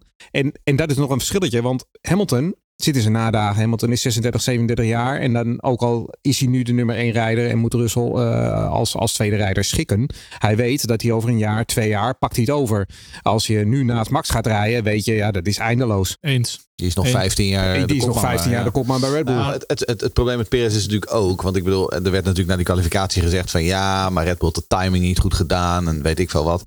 Aan de andere kant dacht ik ook, ja, maar die eerste run van Perez was schijnbaar niet beter dan een 15e, 16e plek. Klopt. Kijk, en dit is natuurlijk wel de zwakte, en dat weten we van Sergio Perez, dat is altijd al zo geweest. Het is geen qualifier. Nee, eens. Sergio Perez is een racer. En dat, ook dat liet hij vervolgens gisteren weer zien. ja. Ja. Ja, maar Dus- dat gaat een stuk lekkerder dan vanaf P5 of 6 met een matige ronde dan. Maar het probleem, Maar, met, het probleem met Gasly destijds bij Red Bull Ja. is dat hij het allebei niet kon. Nee. Ehm, en Albon Ja. was best een aardige racer, maar die had begon op een gegeven moment echt gewoon vertrouwensproblemen te krijgen, zelfvertrouwensproblemen Maar goed, te ik krijgen. denk ik dat heb niet het, het idee eh, dat Perez er nog heel erg onder lijdt. Ik heb niet het idee dat hij echt met zijn ziel Nee. onder zijn arm Nee, loopt. Dus dat, is, ook- dat is hoopvol. Ja. Eh, het beste nu is denk ik gewoon Perez inderdaad laten zitten. Volgend jaar die Rust. tijd geven. Rust, stabiliteit. Laat hem wennen aan die auto. Ehm, ze hebben gewoon een probleem. Gasly is te licht bevonden. Doet het mega goed bij AlphaTauri. Ga je er echt niet weghalen. Wil je ook niet. Eh, Yuki, nou die, die heeft natuurlijk ook wel een beetje problemen nu bij AlphaTauri. Want die valt een beetje door de mand. En ze willen zelfs Albon weer terug in de Formule 1 halen. Om hem misschien bij Williams neer te zetten. Eh, er gaat ook gerucht dat ze Williams misschien met Red Bull motoren eh, willen gaan laten rijden. Cool. Eh, ja, ik snap Maar, die even, niet even. helemaal. eh, Jij ging toch al bij Williams rijden, begreep ik? dat heb ik al gereden. We hadden nog een poll vandaag. Ja, als Stond ik dat tussen? als een poll op Twitter. Heb je niet gezien? Nee, ik heb het niet gezien. Ik ga even kijken. Oké. ga nu al stuk. Maar het, het, het is wel, ik, ik, ik, het is een, het, het mysterie van de tweede Red Bull. Het begint langzaam maar zeker wel echt enorme eh, enigma-achtige vormen aan te nemen. Want Het is heel moeilijk, ja. en, wel- en dat zeg ik, ik wil Mercedes krijgt het schijnbaar wel voor elkaar. Ja. Want ik bedoel, het is wel zo dat Hamilton ook gewoon standaard een halve seconde sneller is dan Bottas, bij wijze van Ja. spreken. Nou, dit jaar. Maar het, is, het is, maar het is altijd toch net iets minder. En het is Ja. ook zo dat zo'n Bottas toch wel gewoon die podiumplekken doen. Maar het is Ja. bij, ook bij Perez nu weer. Ik, ik had er heel veel vertrouwen in. En het is toch weer heel erg op en neer. Toch heeft hij ook wel goede wedstrijden gereden. Ja, Baku gewonnen bijvoorbeeld. Ik heb zeggen, oké, Max viel uit. Maar hij reed wel voor eh, Hamilton en Hij voor al die goede wedstrijden gereden. Dus hij heeft een paar hele sterke wedstrijden gereden. Ik vond hem gisteren ook een sterke wedstrijd rijden. Alleen ja, vooral dat zaterdag dat kwalificeren. Ja, dat is gewoon heel lastig voor hem. Het weekend van Mercedes had eh, Hamilton een kans. Men zegt van wel, dat heb ik eh, links en rechts gele- Hij gelezen. had, ze hadden ook een kans. Ze hadden één kans. En dan hadden ze, eh, ja, nee, serieus. Hadden eh, toen op het moment dat eh, Max achter Bottas aansloot. Toen zat hij anderhalf seconde achter Max. Toen had hij naar binnen moeten gaan. Had hij naar hard moeten wisselen. En had hij de race uit moeten rijden. En dan was hij voor Max terug de baan opgekomen. Zonder enige twijfel. Want anderhalve seconde en zittend achter Bottas is het niet. hè, dan, dan ga je die undercut gaat aan werken. Eh, dus dat was de kans geweest voor Mercedes om het te doen in mijn ogen. En of dat voldoende was geweest, want die harde banden worden natuurlijk ouder. Eh, dat weet ik niet. Maar dat was de kans geweest. En die hebben ze laten liggen. En verder zeggen zij dat ze alles geprobeerd hebben, tactisch gezien. Nou, dat vind ik dus niet. Want ik vind dat ze hier een kans hebben laten liggen. En bovendien vind ik, ja, wat ik net al zei. Als je dan een korte middenstint doet, dan moet je eerst voor de, voor de gebruikte mediums gaan. Ehm, ja, ze, ze zijn in de aanval gegaan door twee keer vroeg te pitten. En eh, Christian Horner zei na afloop eigenlijk heel simpel van... eh, ja, je kan er wel met twee Mercedes rijden. Maar eh, wij reageren op Lewis Hamilton. Want dat is de man waar wij op moeten letten. En als we uiteindelijk zelfs dan de zegen op hadden gegeven... omdat Bottas dan weg was gereden bij ons... dan was dat maar zo geweest. Maar wij richten ons nu op Hamilton. Dus dat twee Mercedes verhaal... dat is op dit moment niet zo heel erg werkzaam meer voor Mercedes. En ik moet eerlijk zeggen, als we dit jaar bekijken, natuurlijk een enkel keertje, zoals in Barcelona, is, is, eh, Mercedes het betere team. Maar over het algemeen vind ik dat Mercedes op dit vlak, het tactische vlak, hoe je races benadert, daar laten ze nog alles wat liggen. Ze hebben natuurlijk jarenlang gedomineerd en wij dachten dit is het perfecte team. Maar nu de druk op komt te staan, zijn ze gewoon wel kwetsbaar op bepaalde, op bepaalde plekken. En eh, niet Hamilton, maar wel het team laat daar wel wat liggen. Nou, wat, eh, Charles had het hiervoor over ehm, waarom rijdt Bottas in hemelsnaam voor de snelste raceronde. Maar Mhm. dat is weer zo'n dingetje. Kijk, als jij Bottas naar binnen haalt, drie ronden voor het einde, en je zet hem op rood. Wat, Ja. wat voor mentaal signaal stuur je dan naar zo'n coureur? Ja. Dat is, ja, tuurlijk. Toch? Ja, ga rijden. Ja, Ja. en dan opeens, halverwege de ronde, oh, abort, abort. Ja. En dan laat hij vervolgens in de laatste, wat was het, in de derde zak liet hij nog achttiende liggen. Maar was niet genoeg? Maar hij was nog steeds sneller. Ja. Nou, en gelukkig uiteindelijk eh, Hamilton, hè, gelukkig voor Hamilton, die, die, die pakt dan alsnog die snelste raceronde. Maar ik dacht wel van, Ik vind het echt knullig. Op Formule 1 niveau kan dit echt niet gebeuren. Gewoon nou zomaar. vooral omdat op dat moment Hamilton had de snelste. Ja. Dus het was ook helemaal niet nodig. Nee. En dan zeggen ze vervolgens van ja, nee, maar we willen eh, het zeker stellen dat Hamilton dan een, eh, een veilige pitstop heeft. En dan dacht ik ja, zo kun je wel een cirkel. eh een extra stop, praten, wil maar je- ik, ik, ik, ik was niet helemaal overtuigd van die redenering. Nee, maar je wil ook echt niet zomaar een extra stop maken die niet nodig is. Want de, de, het risico met, met je koppeling en met je remmen en Ja. alles en zo, dat is echt veel te groot. Als Hamilton nu een probleem met zijn remmen had gekregen of zoiets, dan, dan ben je gewoon klaar. En dan scoor je gewoon nul. Heeft die koppeling een stuk of eh, die, die, Ja. wiel, die wielmoer die gaat Dat, er dat, weer ja, niet dan moeten ze weer een neemt- eraf halen. Ja, nou, dan je, ben je neemt, klaar. je neemt zoveel risico. Dus ik, dacht- ik dacht, Ja. vol- volgens mij eh, was het gewoon een misser. En vervolgens was er iemand die zei, ah, is er iemand daar binnen geweest aan de pitmuur? Eh, jongens, Hamilton heeft hem al hè. Misschien moeten we Bottas even ik, stilhouden. vond, ik, ik vond wel die, eh, raar. de boordradio van, eh, van Red Bull vond ik wel geniaal. Dat Max op een gegeven moment vraagt, zeurt u nog ergens over? Ja, zijn banden zijn naar de Filistijnen. Fantastisch. Ja. Ja, dat is leuk, hè? Ik vind die scherpte van Max vind ik altijd zo grappig. Ja. Ja, die man, auto. tires, man. These tires is very difficult, man. Volgende ronde, Ja. meteen snelste dan denk ik, is ook het zo. is weer, Ja, vind- echt weer klassieke typisch. Hamilton. Gaan we kijken naar het middenveld. Ja, we hadden het net al even over hem natuurlijk. Hè? Ja, Pierre wat, Gasly. wat, eh, wat mij opviel was die ongelofelijke mazzel die volgens mij Alonso had bij die start. Ik zag wielbangen, ik zag eh, rook van de, ja, bie- van de afkomen. veel, ja. Geen vleugeltjes kapot, geen lekke banden. En Ongelooflijk. toucheerde wel iets, maar dat was niet eh, met schade. Oeh. Nou, Giovinazzi die reed bij Norris naar achteren. En ik dacht van dat die vleugel er nog op zit. Dat, eh, daar stond ik echt van te kijken in de, in het schijfvlak eerste ronde. waren er een paar, ja. Maar, Maar- Gasly inderdaad goed bezig. P4. Ja, nee, echt, echt, echt waanzinnig goed. Ehm eh, Tijmen die vraagt ons ook. Gasly reed zoals gewoonlijk weer een perfecte race. Nou, mm, vooruit. Eh, volgend jaar Red Bull eh, wordt het niet, want uh, Perez is inderdaad verlengd. Maar je kan hem toch niet zo laten zitten bij Alfa Tauri. Wat zijn zijn mogelijkheden voor in de toekomst? Um, dat is inderdaad een hele goede vraag. Want um, het is inmiddels wel een publiek geheim dat um, zelfs al was hij de laatste coureur op deze planeet, dan wordt Gasly nog steeds niet aangesteld als teamgenoot van Max Verstappen. Die, die relaties tussen Gasly en, en Red Bull en dan met name de leiding van Red Bull en Helmut Marko, dat, dat, is, dat is het gewoon niet meer. Dan zou je denken, Hè, dan, ga, dan gooi je hem er toch gewoon uit. Dan is het gewoon klaar. Dan is die relatie gewoon over. Maar aan de andere kant, hij doet het zo goed in die Alfa Tauri. En haalt daarmee zoveel punten ook ja, binnen. Vorig jaar gewonnen Monza. Ja, maar haalt ook gewoon belangrijke punten voor het Ja? constructeurs-WK Ja. binnen. Dus hij levert ze ook gewoon een hoop cent op. Ze hebben hem wel eens in verband gebracht met Alpine. Maar als je ziet hoeveel hoe goed hij het nu doet, dan is een overstap is niet eens eh, beter voor hem. Nee, maar ja, en Alpine heeft natuurlijk ook gewoon twee hele goede coureurs op dit moment. Waar Ja. ze in ieder geval nog, eh de, eh, Ocon die hebben ze voor meerdere jaren vastgelegd. Eh, Alonso zit sowieso nog voor een jaar en gaat misschien ook daarna nog wel door. Want Alonso rijdt ook wel gewoon eh, eh, nog steeds als in zijn beste dagen. Zeker. Ja. En ze hebben een aantal hele goede eh, juniors bij Alpine. Oftewel, ook bij, daar wordt het wel dringen voor Gasly. Ehm, ik weet het eerlijk gezegd niet. Eh, maar als ik heel Nou ja. eerlijk ben, als ik Mercedes was, eh, dan zou ik op termijn, als je George Russell ehm, eh, als kopman hebt, dat je er misschien Ja. eens, een Gasly gaat bellen en zeggen: wil, wil jij er eens naast gaan zitten? Ja, maar ook bij McLaren. eh, als Ook bij McLaren. Ricciardo daar stopt, Ja. dan kan hij zeggen. prima rijden. Eh, ik zie daar genoeg mogelijkheden nog wel voor hem. En eh, wat, wat natuurlijk voor Alfa Tauri hetzelfde is als geldt als voor Red Bull. eh, wie neem je dan?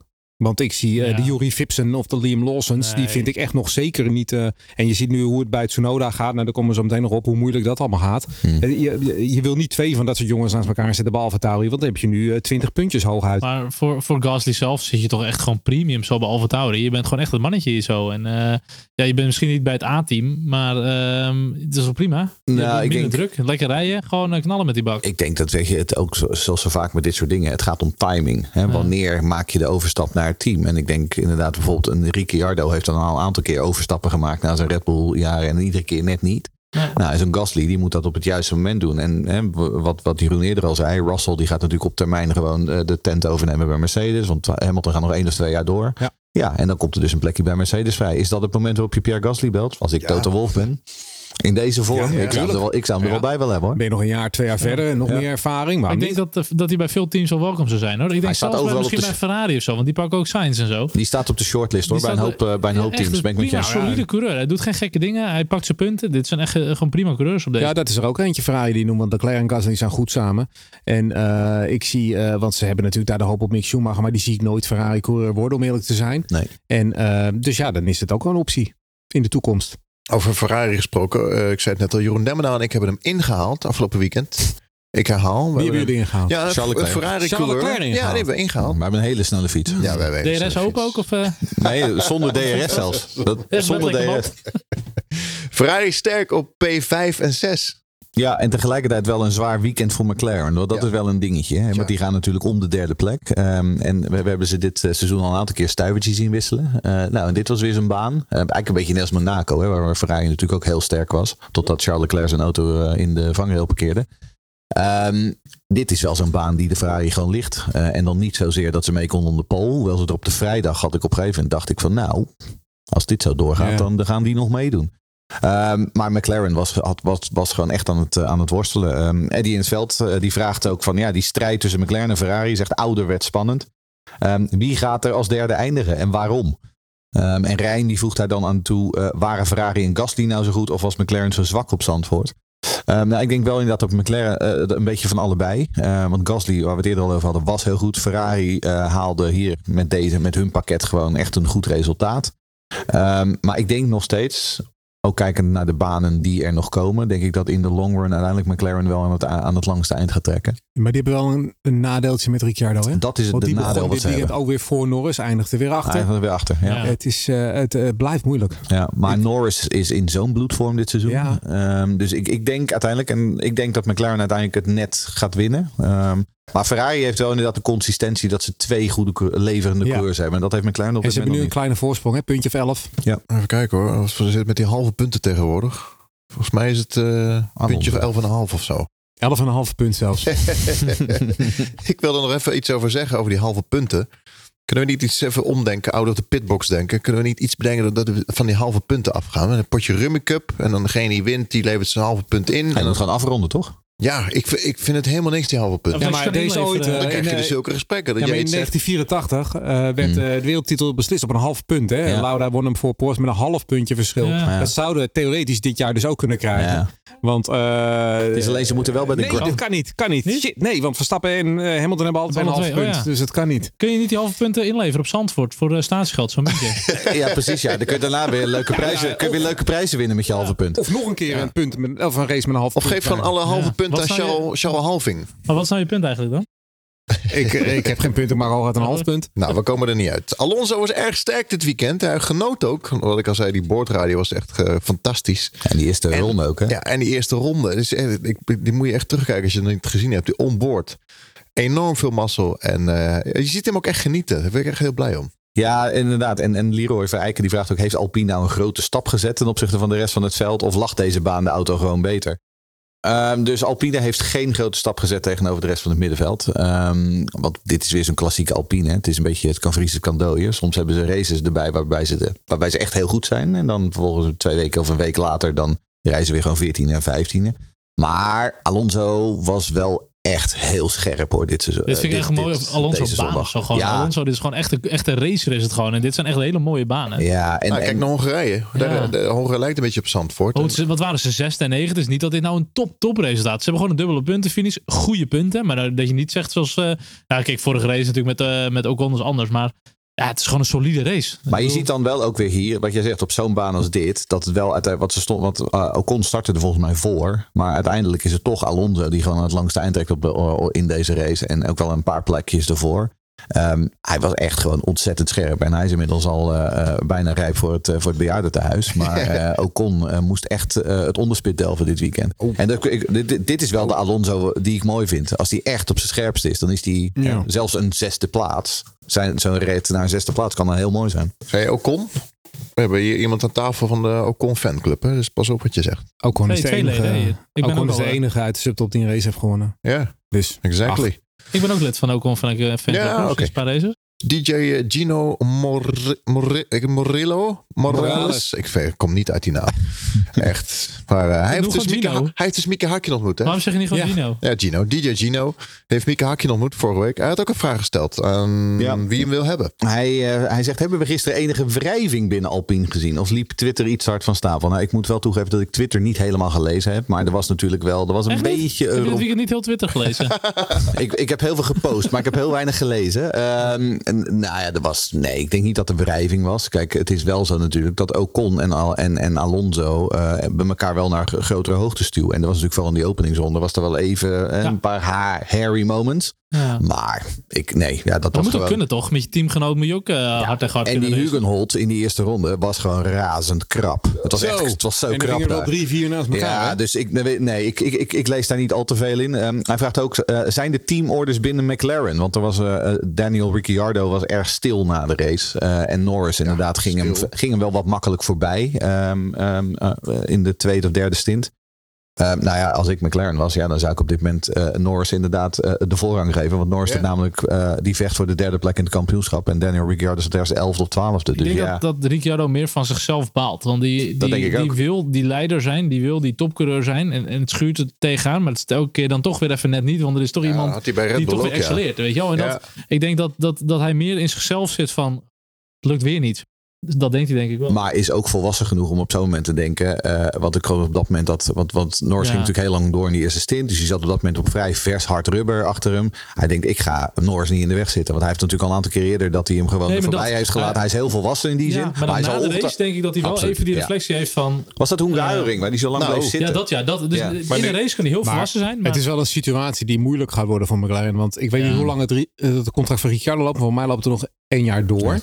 Ja, Eh, maar die verdient echt eh, drie keer zoveel als Norris zo'n beetje. En dat Ja. gaat uiteindelijk wel, dat wordt altijd wel een Ja. probleem natuurlijk. Als je dan zo Ja, ver ja, achter staat in de Ik, titelstrijd. ik, ik denk eigenlijk twee dingen. A, hij heeft dus het kampioenschap die ambitie al opgegeven. Dat hij gewoon nu geniet. Ik verdien geld, ik zit in de Formule 1. En dat hij misschien ook een klein beetje denkt... had ik niet beter bij Red Bull kunnen blijven. Want nu heb ik weer een talent. Wat ik een beetje gek vind is dat hij gaat overal voor die recordbedragen heen, maar hij maakt het niet helemaal waar. En dan denk ik, Nee, maar dat moet hij. nee, maar dat hij moet niet. hij niet, want hij heeft een goed gevulde portemonnee. ik vond dat hij bij Renault best aardig heb gedaan naar de omstandigheden. Jawel. Ja. En maar hij verkoopt zichzelf heel goed, maar Ja. hij levert het toch niet. Nee, maar dat moet hem toch niet? En dat ligt ook misschien aan de auto deels hoor. Maar ehm, ja, ik zou het mooier vinden als het er wat beter uitkomt bij hem. Maar, maar, maar wat nou als hij bij Red Bull was gebleven? Dat is een hele andere discussie. Maar, want we zeggen het na- namelijk net. Bij McLaren heeft hij ook een jong talent nu. ja, daar die- was hij een uitstekende tweede rijder Ja, eh, geweest. precies. Hij had Red Bull Had geen probleem gehad nu. En ik denk dat hij Ja. daar ook echt wel eh, over nadenkt. Ja, maar dan was, ja, nu, hij is nu wel wat rijker, dat wel, ja. denk ik. Ach, maar hij heeft nog steeds even veel lol. Want hij heeft, ik heb echt van hem genoten weer met zo'n rode cape. Met zo'n oranje cape, Ja, die ik ja. Eh, vind het een mooie vent. Aston Martin. Zonder punten. Ja, Aston Martin, dat was wel redelijk kleurloos inderdaad. Eh, Sebastian Vettel, die eh, voor onze neus nog even eh, het, het, door het grind ging en het DRS-bordje eruit reed. Bij het uitkomen van turn 10. Dat was op de zaterdag volgens mij. Ehm, maar ja, nee, verder was het een redelijk eh, kleurloos weekend. Eh, dat kunnen we trouwens ook zeggen van eh, Yuki Tsunoda. Want om heel eerlijk te zijn, ook Yuki, zo goed als eh, Pierre Gasly was het hele we- weekend. Zo kleurloos als Yuki. Ehm Karin die vraagt ons ook van ja, Yuki die zei zelf in de persco dat hij nog niet zeker is of hij wel mag blijven in 2022. Wat denken jullie daarvan? Nou, ik denk een beetje wat Jeroen Scholten net al zei. Ehm, zoveel andere smaken zijn er niet binnen Nee. de Red Bull. Ehm, want als je naar de Formule 2 kijkt, eh, Liam Lawson en Yuri Vips zijn wat mij betreft zijn die zijn er ook nog niet klaar voor. Nee. Er zitten een paar goede jongetjes in de Formule 3 eh, met een Red Bull backing. Maar die moeten dus inderdaad nog een paar jaartjes door. Ik denk dat Yuki zeker nog een tweede jaar eh, nodig heeft. Maar ik denk ook Ja. dat Yuki, dat inmiddels wel duidelijk blijft dat ook Yuki wel gewoon te snel gepromoveerd is naar de Formule Ja, 1. zeker. Ja, dat hebben we al gezegd. Die jongen die heeft stabiliteit nodig. Meer in de Formule 2. Nou, nu zit hij dan in de Formule 1. Laat de jongen zitten. Kijk, ik denk ook Red Bull kan hem er wel uitgooien. Of afhouden dan. Maar goed, dat is bepaald Red Bull. Ehm, maar goed, ze nemen natuurlijk die motoren van Honda over. En ik denk dat het minste wat je, of het slimste wat je kan doen, is dat je Yuki toch nog even aanhoudt. En dat je ook die, die gunfactor van de Japanners nog houdt omtrent eh, de motor. Dus ik zou zeggen, laat hem lekker zitten en laat hem rijpen en laat hem gewoon zijn ding Ja, doen. ik, kijk, als we Helmut, Helmut Marco een beetje hebben leren kennen de afgelopen jaren, dan had hij me zo uitgeflikkerd als hij alternatieven had. En dat is gewoon het vervelende. Maar ik moet wel heel eerlijk zeggen, wat mij dan het meeste tegenvalt van Yuki, is van, eh, van alle stoeltjes die in de Formule 1 kan bemachtigen als rookie, is dit het stoeltje waar je het het beste kan doen. Want hè, je zit naast Gasly, die scoort een puntje wel voor het team. Het is een rustig, stabiel team, wat opgericht is puur als hè, opstapje naar het grote Red Bull team. Je, kan daar, je mag daar fouten maken, daar word je niet op afgerekend. Uh, maar je moet uiteindelijk, het enige wat je moet doen is jezelf doorontwikkelen. Nou ja, als ik nu uh, kijk naar het begin van het seizoen en nu, dan zie ik daar helemaal niks, geen verandering in. Dus ik moet wel heel eerlijk zeggen, je zit in de beste stoel. En je haalt er gewoon helemaal niks uit op dit moment. En dat valt me wel heel erg tegen, moet ik eerlijk zeggen. En ik, ik weet niet of ik het zou doen. Maar ik moet, als ik heel eerlijk zijn, moet ik, moet ik wel zeggen dat ik uh, iemand als Yuri Vips wel stabieler vind. Ik vind het een veel stabielere rijder. Ik denk dat die, ik, eh, qua snelheid ten opzichte van Gasly weet ik het niet. Maar die, die, die zorgt, die haalt minder headlines, zeg maar. Negatieve headlines. En het gebeurde vroeger in de jaren 80 en 90 wel vaker. Hè, dat iemand zijn debuut maakte in de Formule 1 en vervolgens gewoon eigenlijk weer terugging naar de Formule 3000. Uh, uh, om daar nog even wat meer ervaring op te doen. Je zou bijna zeggen, uh, zeg Yuri Vips nog maar een jaartje in de of uh, Yuki Tsunoda nog maar een jaartje in de Formule 2. En laten we eens kijken hoe Yuri Vips het doet in die Alfa Tauri. Um, want ja, ik, wat ik, ik, ik vind Yuki een heel groot talent. Maar ik denk echt dat hij het slachtoffer is geworden van die ontzettende promotiedrang bij Red Bull en Honda. Maar als Absoluut. dit nou niet. Als we in de laatste acht races van dit jaar nog geen verbetering zien, op basis waarvan zet, we, zet je hem dan volgend jaar weer in die auto? Er moet, er moet ja. wel iets van ontwikkeling te zien zijn waarin je je dan als team vasthoudt. Dat je denk, denkt, nou, want je hebt het over Albon, zoeken ze nog een plekje. Nou, ja. dan zet je hem een jaar erin totdat Vips klaar is. Maar ja, dit, eens. als het zo blijft, gaat het niet werken. Hij heeft wel laten zien dat hij die, voor mij die snelheid heeft, maar hij is gewoon te grillig. En dat is toch als een, we hebben het al eerder gezegd, het is toch een soort van, nou, niet zo'n diamant als Max, maar wel een diamantje die toch misschien wat moet polijsten. Weet je, hij moet ervaring hebben, hij moet op zijn bek gaan, je moet hem begeleiden. En ik denk dat er meer in zit dan dat we nu zien. Nou, maar hij was op vrijdagochtend, toen wij op, die, op onze tribune zaten, hij was de eerste die achter zijn oren ging. echt in de, op, was echt, in de, in de dat, outlap dat, dat, dat, was eens de outlap volgens ja. mij al. VP1. Hij gaat de baan op en hij, hij staat meteen achter ja. voren. Ja. Race Reporter. De Formule 1 podcast. Gaan we kijken naar het achterhoedeveld. Achterhoede duels. Giovanacci die uh, deed erg goed in de kwalificatie. P7. Alleen in de race viel het een beetje tegen. Ja, ja Giovinazzi, dat was wel echt een beetje de... Dat was een mooie verrassing was dat dit weekend. Natuurlijk met Rijkonen die wegviel vanwege COVID. Uh, Kubica die in de, in, de, in de auto van Kimi ging. Uh, en Giovinazzi die gewoon uh, doorging naar Q3. Dat was wel, was wel even een mooie verrassing. Die doet echt goed op dit baantje. was ook, reed ook op de punt af, zeg maar. Alleen dat voor mij ergens midden in de stint, volgens mij had hij ineens een lekker band. Volgens mij niet lek lek, maar gewoon dat het team hem heeft binnengehaald. Als ik het goed, goed heb gekregen.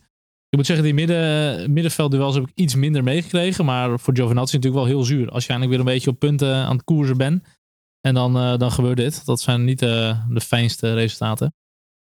Ik weet niet of jullie er verder veel hebben meegekregen. Nou, ik denk zo. dat eh voor Giovinazzi was het inderdaad wel heel veel. Want ik denk dat hij gewoon in het punt had kunnen eindigen nu. Ja, ja misschien één of twee puntjes, maar dat had hij wel gekund. Ja. En ik moet eerlijk zeggen, eh, van alle mensen van de zaterdag. Hij was de man van de zaterdag. Dat vond ik echt waanzinnig dat hij zevende werd in een, eh, in een Alfa Romeo. Op dit circuit, hè, wat echt wel een rijderscircuit is. Ja. ja dan, dan, die jongen kan echt wel een potje sturen, laat hij dan zien. Ja, ja Het is dat, alleen een beetje kleurloos joch. Hij moet ook eens even... dat ja. Hij moet zichzelf ook wat beter presenteren. Wel een leuk eh, fashionable staartje en zo. Maar hij zou zichzelf eens wat... Hij niet heel flamboyant of zo met zijn staartje. dan, ja, je eh, moet, ja, een maar ik denk wel als coureur dat je jezelf ook als persoon wel een beetje moet Je manifesteren. nodig ja, gewoon. Ja. je hebt karakters nodig. Je moet Ja. jezelf ook een beetje laten Beetje zien. zoals dat- jij, we zijn de poncho eh, master.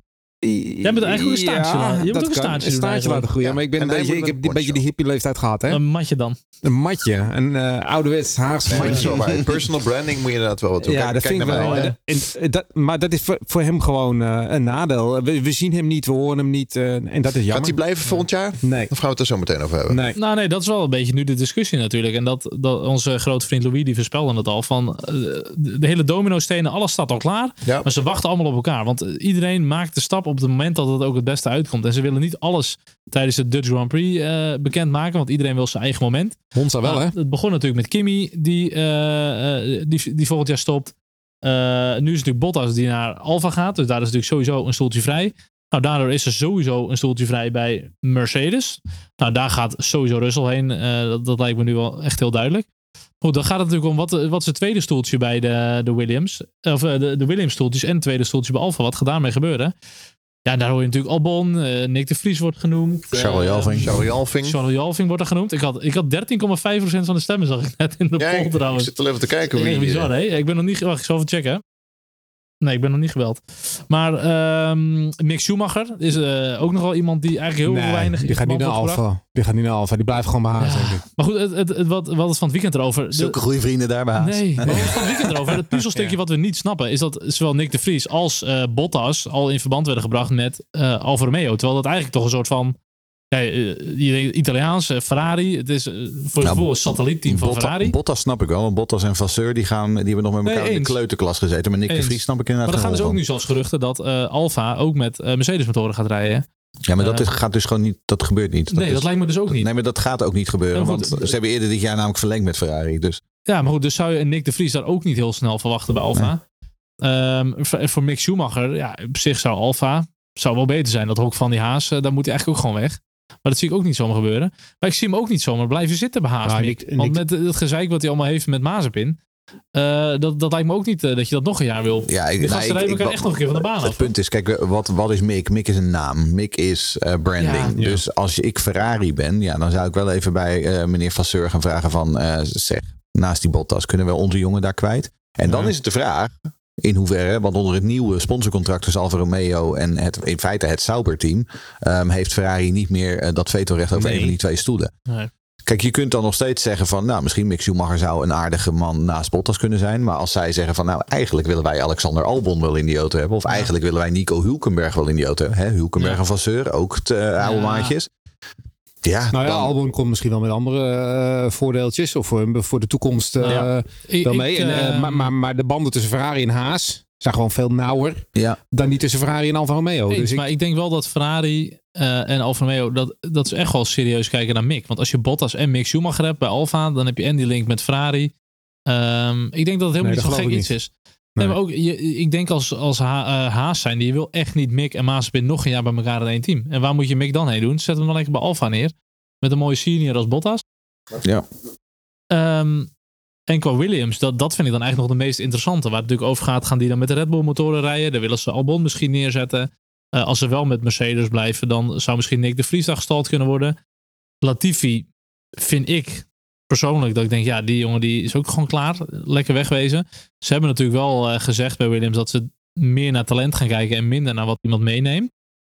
Maar Latifi gaat, blij- Latifi gaat blijven hoor. Want kijk, Ja. ik bedoel, als jij een investeringsfonds bent en je hebt een, eh, eh, een, een Canadees met een papa, Ja. die gewoon een kwart van de, van de rekeningen betaalt. En om eerlijk te zijn, Latifi reed best een aardige race gisteren. Had ook Ja. een mooie inhaalmanoeuvre in de buitenkant van de Tarzan. Ehm, eens, eens. Slaat Latifi- kwalificeert zich als elfde. Latifi ik bedoel, het, is, het zal nooit een wereldkampioen Punten worden. Maar hij doet, het, hij doet het steeds Aardig. beter. Daar zit wel ontwikkeling Ja. in. Ja. Ehm, dus nee, ik denk dat Latifi gewoon blijft. Maar ze willen dan ook, in plaats van Russell wel inderdaad echt een goede rijder hebben. En dat zal... Ik weet niet, ik weet ik gezegd niet of ik dan Albon zou kiezen. Ehm, eerlijk gezegd, ik denk dat ik voor Hulkenberg zou gaan. Maar Ja, maar ik dat- vind Nou, Albon, heeft volgens mij die, die, die Thaise zakenpartner van Matisic. Ja. Die wil heel graag Albon daar weer. Nou, hebben. ja. Die heeft dat gezegd eigenlijk. Financieel, maar, dat is wat Ja. anders. Maar Nee, sportief gezien zou ik niet Albon Nee, eh, nee. als, de, als de beste maar als vervanger ik van sportief Russell ben ook niet Nick de Vries. Nee. Nee, ook niet. Als hij sportief bent, ook niet Hulkenberg. Want die was al een beetje over zijn hoogtepunt heen. Als hij die ooit al heeft gehad eh, trouwens. Eh, die is een die ene Pool in. Brazilië, dat was zijn Nee, hoogtepunt. Daar ja, hebben we het nog steeds wel- over. Zeker, ja, dat is wel waar. Maar dat is dan je hoogtepunt in, in zoveel jaar Formule 1. Eh, hij is ouder, hij is er een jaar tussenuit geweest. De- Als je dan echt een topcoureur wil, dan zou ik ook niet denken aan Hulkenberg. Ik bedoel, dat is toch echt over de, over de houdbaarheidsdatum Nee, maar ik weet niet of je als Williams in de huidige status een topcoureur kan eisen. Maar ik denk wel dat Hulkenberg de beste is van degenen die beschikbaar zijn. Maar goed, ehm, Kimmy gaat weg. Ja, Vinden we het heel erg? nee, dat had hij drie jaar geleden al moeten doen. Ik vind het echt, eh, echt eh, heel jammer. Ik uh, gooi er ook een tweetje uit dat hij en, en bijvoorbeeld zo iemand als Valentino Rossi in de MotoGP. Ik vind het zo jammer dat die jongens zo lang doorgaan. Ja. Want op het moment dat ze een afscheid nemen, dan zeg ik, ja, ik ben blij dat hij weg is. Want ik, ik heb niets meer met de Kimi die nu rijdt. Ik heb ook niets meer met de Rossi die nu nog rijdt. Ik vind dat gewoon, ja, ik vind het echt heel jammer. Ik heb veel meer met Nico Rosberg die op zijn hoogtepunt stopt. Maar dat is persoonlijk Ja. hoor. En die jongens die doen het ook uit liefde voor de sport en hobby. Dat snap ik allemaal wel. Maar eh, ik heb helemaal niets meer met de huidige Kimi. Nee, het is, Nee. het- ik, ik had heel veel met de, de vroege Kimmy. Van McLaren. Eh, ja, Ja. en Sauber Ja. vooral ook. Ja. Eh, ik bedoel, dat waanzinnige eerste interview dat hij aan Jack Ploy gaf toen in Melbourne. Van, Ja. heb je genoeg tijd in de vrije trainingen? Ja, je wil altijd meer tijd. Maar ja, dit is wat we krijgen. Oké, dankjewel Kimmy.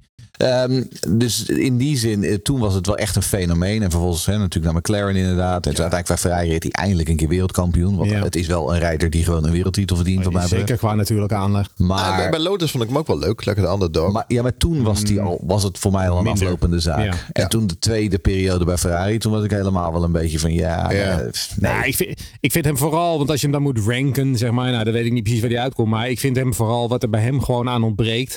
Hij is zeg maar een beetje de tegenpol van Jensen Button, zeg maar. Dat is ook een enkelvoudig wereldkampioen.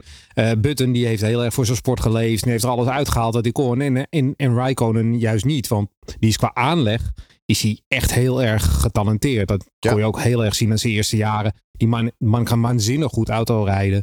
Alleen, ehm, hij heeft er nooit voor geleefd. Hij heeft altijd andere hobby's gehad. Ja. Het is, hij heeft zelf gezegd, Formule 1 is niet mijn leven. Dat is gewoon zijn werk. En hij, hij doet het graag en hij vindt het leuk. Maar hij wilde niet alles van de kant zetten. En dat heeft hem gewoon wel geschaad. Want anders was hij meervoudig wereldkampioen geweest. Maar ook die jaren bij Ferrari, die tweede periode, waren eigenlijk een aanfluiting natuurlijk als tweede man achter Vettel. Maar ook bij Lotus, ja, ik was er niet zo van onder de indruk. Bij Lotus was het gewoon een aardige auto. Hij won er een race mee. Maar Grosjean deed ook best aardig dat jaar, weet je. Dus dat zegt ook genoeg.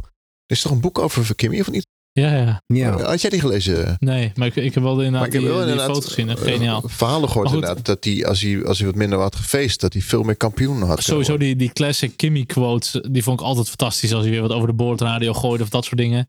Eh, en dat hebben we al een heel tijdje niet meer gehad. Eh, hebben we nog een vraag van Marco Asbreuk. Die vraagt, eh, of stel de job van Gunther Steiner komt morgen vakant. Zouden jullie solliciteren? Nou, ehm, eh, serieus, nee. Maar om even hypothetisch, ja, natuurlijk. Waarom niet? 100% ja, absoluut. Dat is absoluut. fantastisch. Lijkt me echt geweldig. Eh, kijk, als, ja. ik dan ook, als ik dan ook zeg maar de regie krijg over het aanstellingsbeleid. Ja. Want dan mijn eerste beslissing wordt om Mazepin eruit te flikkeren. ja, maar dat heeft hij niet, denk geen ik. geld meer? nee, maar dat, Hij zal, heeft denk ik maar nul. dat zal het probleem Nee. zijn. Ja.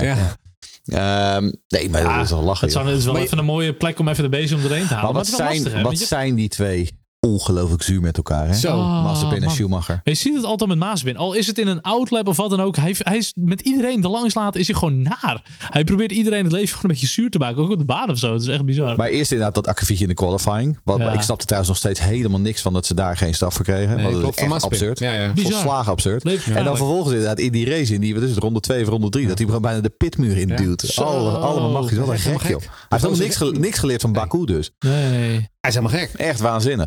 En ook eh, daarom moest Mick Schumacher daar dus weg.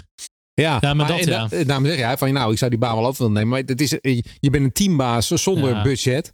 Eh, met, met rijders, die krijg je opgedwongen. Die kunnen er niet veel van. Ja. Eh, je hebt de, de slechtste auto van het veld by far. Die niet lastig, ontwikkeld ja. wordt. Eh, het is echt geen leuke baan. Nee. Ik zag Gunther van het weekend ook nog lopen. En ik dacht, oh, zou ik nog iets zeggen? Maar ik dacht, nee, ik doe het niet. Koenter. Ik kon het bij David Coulthard niet laten toen ik hem zag lopen. Dat ik even zei van nice butt cheeks. En dat vond hij wel grappig. Ik moest het toch Oh, even over doen. die foto die hij Ja. van zichzelf op het ik dacht af strand. en toe Ja. af en dacht, ik, waarom heb ik dit ook weer gezegd? Maar ik ben ook gewoon heel benieuwd hoe het met Eh. het team nu verder gaat. ja, Dus zeker. je moet toch niet hopen dat het echt een Maas-Spin Racing wordt zometeen. eh dat Ja, dat dat zou je toch niet met de willen? Russische vlag praktisch... eh, Nou, ik denk dat die moeten gaan afwachten zeg maar, hoe het in 22 gaat. Maar aan de andere kant, als jij Mazepin senior bent... eh, hè, en, en stel dat ze zich iets verbeteren... en ze gaan op het niveau van Alfa Romeo rijden... Nou, dan rij je lekker mee en dan heb je vijf WK-punten per seizoen. En dat is het dan. Maar Word je, word je word je daar blij van met je Nee, eh, ik denk het niet. Nee, nee. En, en dan kun je je afvragen inderdaad, op een gegeven moment wordt die man er niet moe van. Want uiteindelijk, hè, hij betaalt natuurlijk alles. Ja. En eh, gaat dan gewoon ehm, inderdaad verkopen staan de hoogste bieder. Net als wat, je, wat we dus bij Williams gezien hebben. Kijken we naar de titelstrijd. Een halve punten titelstrijd. Ik raak helemaal in de war. Eh, dubbelslag in de Benelux. Genoeg voor koppositie. Oh, Max Verstappen staat weer eh, bovenaan. Heb jij die titel verzonnen, Lucas? Eh, nee, natuurlijk niet. Nee, die is van Louis Dekker. Louis Dekker heeft die verzonnen. Rob de Voogd heeft een vraag over. Rob de Voogd, trouwens, dankjewel. Die kwam het circuit op met een, eh, een eh, hoe noem je dat? Een, Een eh, race illegaal race report t-shirt. Alweer? Heeft hij nagemaakt. Dat is al twee keer. Ja. Ja, Ja. we al twee keer twee dagen op rij ook. Echt Maar verschrikkelijk. Maar, Nee, eh. Maar hij stelt inderdaad de vraag: eh, tijdens welke Grand Prix gaat het WK beslist worden, denken jullie? En waarom? Nou ja, als het zo eh, doorgaat in, de, eh, eh, in de allerlaatste race, zou je zeggen, op punten. Maar eigenlijk moet Max dit natuurlijk veel eerder beslissen. Want eh, als je zoveel races wint, en je bent eigenlijk zoveel beter nu. Want je hebt Ja. nu toch zeven races gewonnen. En, Sterker en, en, eh, Baku, Hamilton, Hongarije. vi- ja, Silverstone. bijvoorbeeld. Hamilton 4, Pauls heb je 7 om 3 geloof ik. Eh racerondes aan de leiding is hij geloof ik vier keer zoveel inmiddels. Eh, dus ik vind in alle opzichten dat Max eh, op dit moment in de, de Red Bull beter is dan Hamilton in de Mercedes. Dus ik vind dat het eerder beslist moet worden. dat vindt Ehm, iedereen. nou, maar ik vind ook, ik vind ook als je ook gewoon Max, hè, als je, hij is- zelfs na die race in Nederland en iedereen is helemaal hyped en hij won daar en het is thuisrace en druk en alles. Maar hij staat er eigenlijk bij eh, na afloop van de wedstrijd. Kijk, hij krijgt die vlag wel omgangen en alles. En dan staat hij een beetje, eh, een beetje knullig staat hij ook met die vlag. Hij is niet echt van het hele uitbundige gefeest, hè. En maar hij is, en hij zegt hij ook voor die, voor, eh, toen hij voor die microfoon komt, van ja, ik heb gewoon eh 72 rondes gereden. En even later zegt hij van ja, maar het gaat om de wereldtitel. En dat is het ook voor hem. Hij heeft één focus, dat is de wereldtitel. Ja. En dit is, uh, Zandvoort is voor hem, hij vindt het leuk dat wij allemaal lol hebben. Ja. Maar voor hem zijn het gewoon 25 punten op weg naar de wereldtitel. En die focus, die heeft hij zo sterk. Dat ik echt wel, eh, ja, ja, hij gaat dat gewoon wel doen. Zolang die Ja. Red Bull maar blijft gaan, gaat hij het gewoon wel flikken. Hij is gewoon afgetekend de beste dit seizoen. is gewoon afgetekend de beste dit jaar. Maar ja, nogmaals, dat was Schumacher in 1994 ook.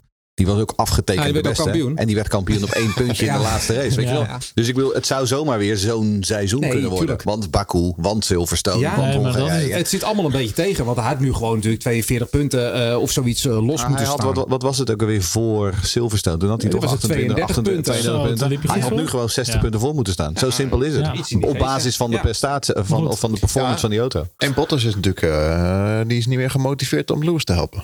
Dat kan iets schelen misschien. Ja. Maar het, blijft zo nu de rest van het seizoen. Betrouwbaarheid gaat belangrijk zijn. Of je een beetje pech hebt of niet.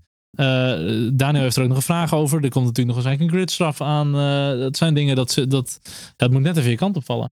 Ja, wat ik ook zo mooi vond, was dat, eh, voor, voor mij was dat voor Hongarije nog, dat toen begon er weer zo'n zo'n eh, eh, interviewer die vroeg aan hem, van, eh, aan Max, van eh, nog even over Silverstone. Toen werd hij een beetje geïrriteerd van, ja, weer vragen over Silverstone, hou er nou eens over op. Volgens, hem, volgens mij is hij er ook helemaal niet Door. zo mee bezig Nee, als door. wij. Hij is gewoon, hij is daar twee dagen boos over en door. Ja. Weet je, hij heeft gewoon één focus. Ik, ik, ik Nou- vind het, bij alles vind ik het zo naar voren komen dat hij, die titel gaat gewoon naar hem toe zometeen. En dat wil ik nog even, eh, wel even zeggen over nu we het toch over Silverstone hebben. Het publiek van Max heeft zich afgelopen weekend wel echt goed gedragen. Iedereen Ja. klappen ook. En Vond dat, ik ook. had ik echt ver, ver- verbaasd me. wel. er waren er maar eh, twee of drie die boeren en dat waren Ja. jullie dan, hè? nee, nee, nee, nee. Nee, maar ik vond het echt super tof. Dat wilde ik wel even gezegd hebben. Dat eh, was echt, ik vond het echt super eh, sportief. En Hamilton speelde zijn rol ook goed hè, daar. Ja, Meteen Ja, heel, top. heel complimenteus over, het, Ja. over het circuit. Heel complimenteus Jeugdjournaal, over... hè? oh, ja, oh, Jeugdjournaal. dat- Met kindjes. Hamilton in het jeugdjournaal. Kom Ja. op jongens, dat is Ja, toch waanzinnig. Ik hoorde het het beste laatst- charme-offensief dat je kan doen. Hij had 35 minuten had hij, eh, duurde het interview. 35 Dat minuten. vind ik best wel netjes hoor. Voor Dat een hij daar de Nederlandse- tijd voor neemt. Ja, dus, ja, en, maar ook gewoon de fans bedanken. En Ja. nou, ik ben zo blij hoe jullie me maar in dat- ieder geval ontvangen hebben. Heeft dat doet hij wel ook gewoon eh, heel best goed. fans gezegd? Dat we de best fans waren? Nee, dat heb ik hem niet. Ik heb het hem niet horen zeggen. Nee, maar dan kan hij die Engeland niet meer in, denk ik. Ja, Dat maar is dat wel zo natuurlijk. Maar... Jammer dat het dan geen 33 minuten waren, maar dat even tezijde. Je zei dat we een vraag binnenkregen van Daniel. Ja, Daniel, dat is onze puntenbijhouder. Dus die is wel Oh ja. eh, belangrijk voor deze podcast. Eh, Red Bull, lees Max, moet waarschijnlijk nog ergens een gridstraf eh incasseren. Maar het is volgens jullie de meest tactische plek op de huidige kalender om dit te doen. Eh, ja, ik zou er ook niet meer te lang mee wachten. Ik eh, denk niet dat ze het in Monza gaan doen. Want deze motor die ze nu hebben, heeft alleen Hongarije en Nederland effectief gereden. Want, want Spa was natuurlijk niks. Op jouw favoriete circuit dan? Dus ik zou hem eh, nu doen. eh, voor Monza kan je de- deze motor gewoon nog gebruiken. En op Sochi zou ik het inderdaad gaan doen. Ja, want dat is wel een circuit waarop je nog wel terug kan komen naar voren. Het voordeel is dan dat je nog maar een race of 60 aan hebt. Met, met twee motoren die nog volop mee kunnen draaien. Dus dat is dan wel weer een, het kleine voordeeltje wat je dan nog hebt.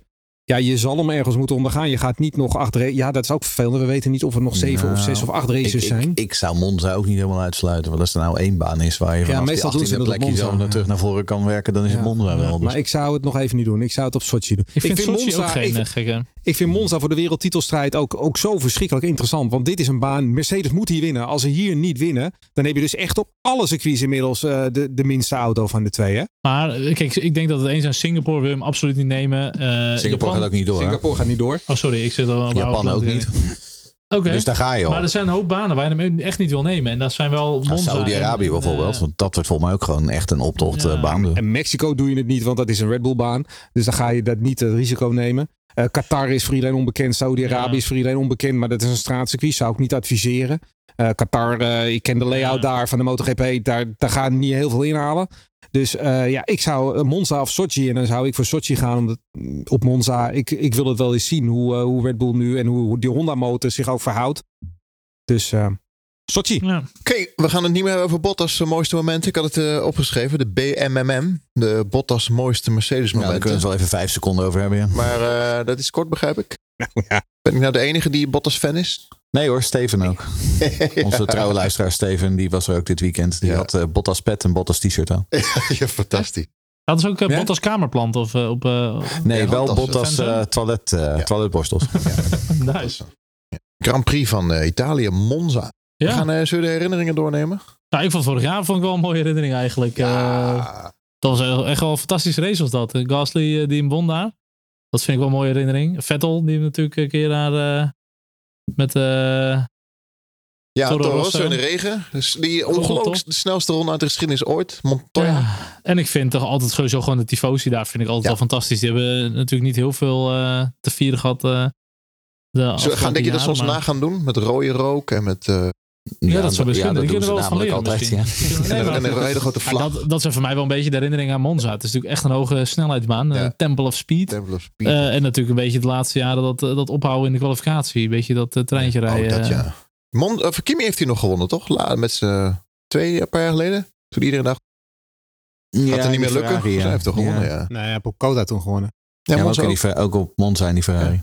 Dat is wel zo. Ik ben denk ik wel bij de laatste overwinning van Kimi dan geweest, denk Ja. ik, in Austin. Ik denk niet dat hij dit seizoen nog gaat winnen verder. Dus, eh, Nee? Nee. denk Kom op, er zijn nog meer eh, Monza-herinneringen. Wat hebben we nog meer Ja, de? Hakkinen die huilt.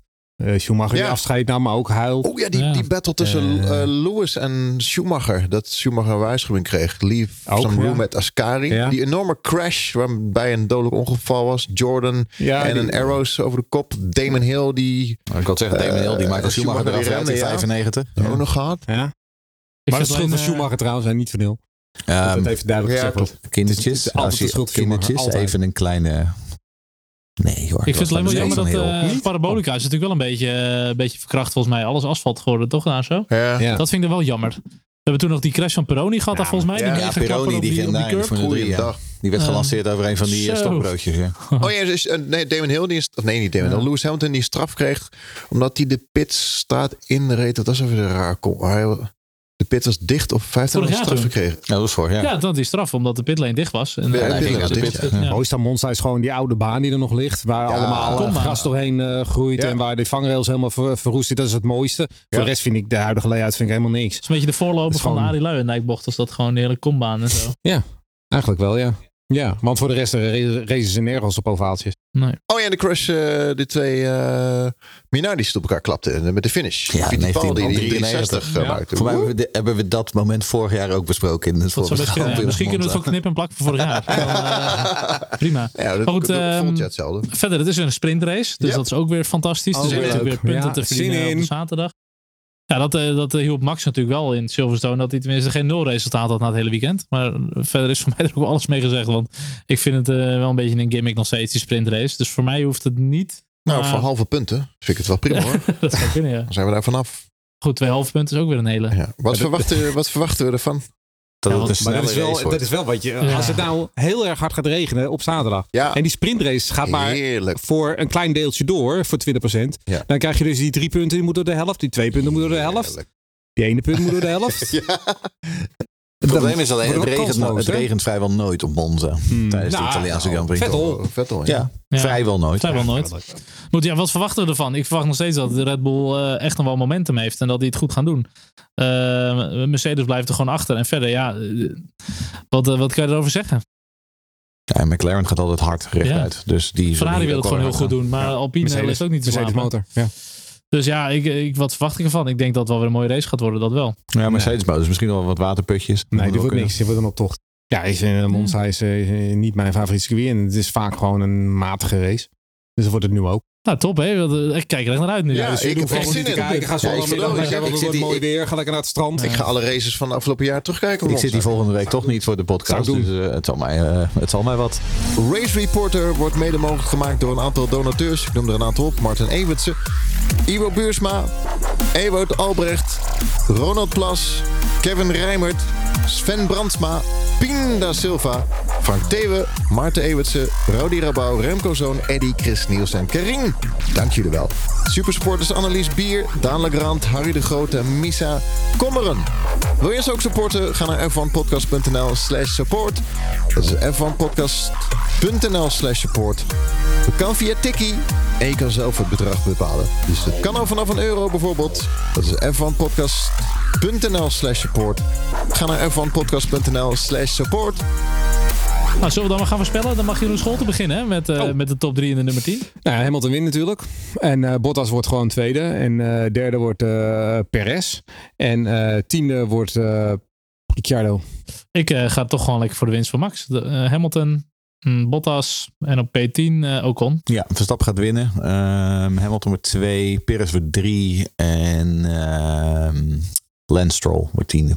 Frederik is aangeschoven. En Frederik? mag ook meedoen in de pool, want... eh, Als je er dan toch zit, mag je, kan je nog even punten sprokkelen hier. ja, precies. Half punten. Je hebt 25 punten nu, dus Ik denk dat eh, Bottas eh, zijn game gaat upsteppen. Want eh, die heeft natuurlijk een super move naar Hinwil gemaakt. Dus ik denk dat hij gewoon even de 25 punten gaat pakken. Of 26, dat kan ook. Eh, nee, want ik denk de snelste ronde gaat wel naar Max. Eh, op de tweede plaats. En Lewis valt uit, denk ik. En derde wordt Leclerc. En tiende doen jullie ook altijd, toch? Eh, Ja. Even kijken. Eh, tiende wordt eh, ja, Latifi. Ja, oké. Omdat het kan. Ik denk Lewis, Max, Bottas en Stroll. Heb je dat nou op een blaadje staan? Ja, want ik heb de statistieken erbij gepakt. een brilletje op, blaadje Want erbij. anders zeg ik weer iets stoms. En ik, ik, eh, ik Nou, daar voel heb de je geen hete- blaadje voor nodig. Nee, hoor. maar- ja, dat is waar. ik voel de hete adem van eh, Daniel in mijn rug. Die is mij bijna aan het inhalen. Oké, maar dit was, de, dit was een voorspelling voor de sprintrace, toch? Doen we nu Ja. de hoofdrace voorspellen? De Grand Prix van Italië komende week al. De kwalificatie zaterdag. Eh, sprintrace bedoel ik. Sorry, ik zie al, ik krijg wel een schop onder, me, onder de tafel van Jeroen Scholten. Sprintrace half vijf. En eh, de race op 12 september om drie uur in de middag. Wij melden nog de uitslag, heeft Daniel net even op Twitter gezet van eh, na de Dutch Grand Prix. Met de voorspelcompetitie. Ja, maar, wie, wie had het het best? Even kijken hoor. Daniel en ik. eh, Daniel en jij, Ja. Verstappen, Hamilton, Dus we zijn iets ingelopen op jou, Lucas. Wat Dus ik snap je blaadje wel. Ja, goed zo. Met mijn halve punt kom ik wel dichterbij ook zo. Ja. Alright, nou dat was hem dan. Volgende, zullen we volgende, volgende week, we gaan nu even lekker uit eten, hapje eten. Zullen we volgende week pizzaatje doen? Oh, Grand Prix Italië, lekker. Hm. Ja, dat moet je doen ook, hè? Ja, oké. Je kan ook lasagne voor ons maken. Ja, oh, Schrijf je het even op je blaadje dan. Volgende week pizza. Dank jullie wel voor het luisteren. Dank voor de aanwezigheid. Eh, leuk dat je erbij was, Jeroen, Jeroen Demmendaal vanuit Yes. Zweden. Maar we zijn ook blij dat je volgende week weer op het scherm bent. hè? Nou, volgende week ben ik er Nee, dus helemaal niet. Oh, nee, volgende week is helemaal niet. Oh, Wie is Nou, het dan? Dan zit... eh, Dan zit Frederik hier. Fred, ben je er volgende week? Ja. Ja, Zeg hij maar zet ja. het as we speak ja. in zijn agenda. Top. Oké, dank Pizza jullie. krijg je. Groetjes. Pizza. Hoi.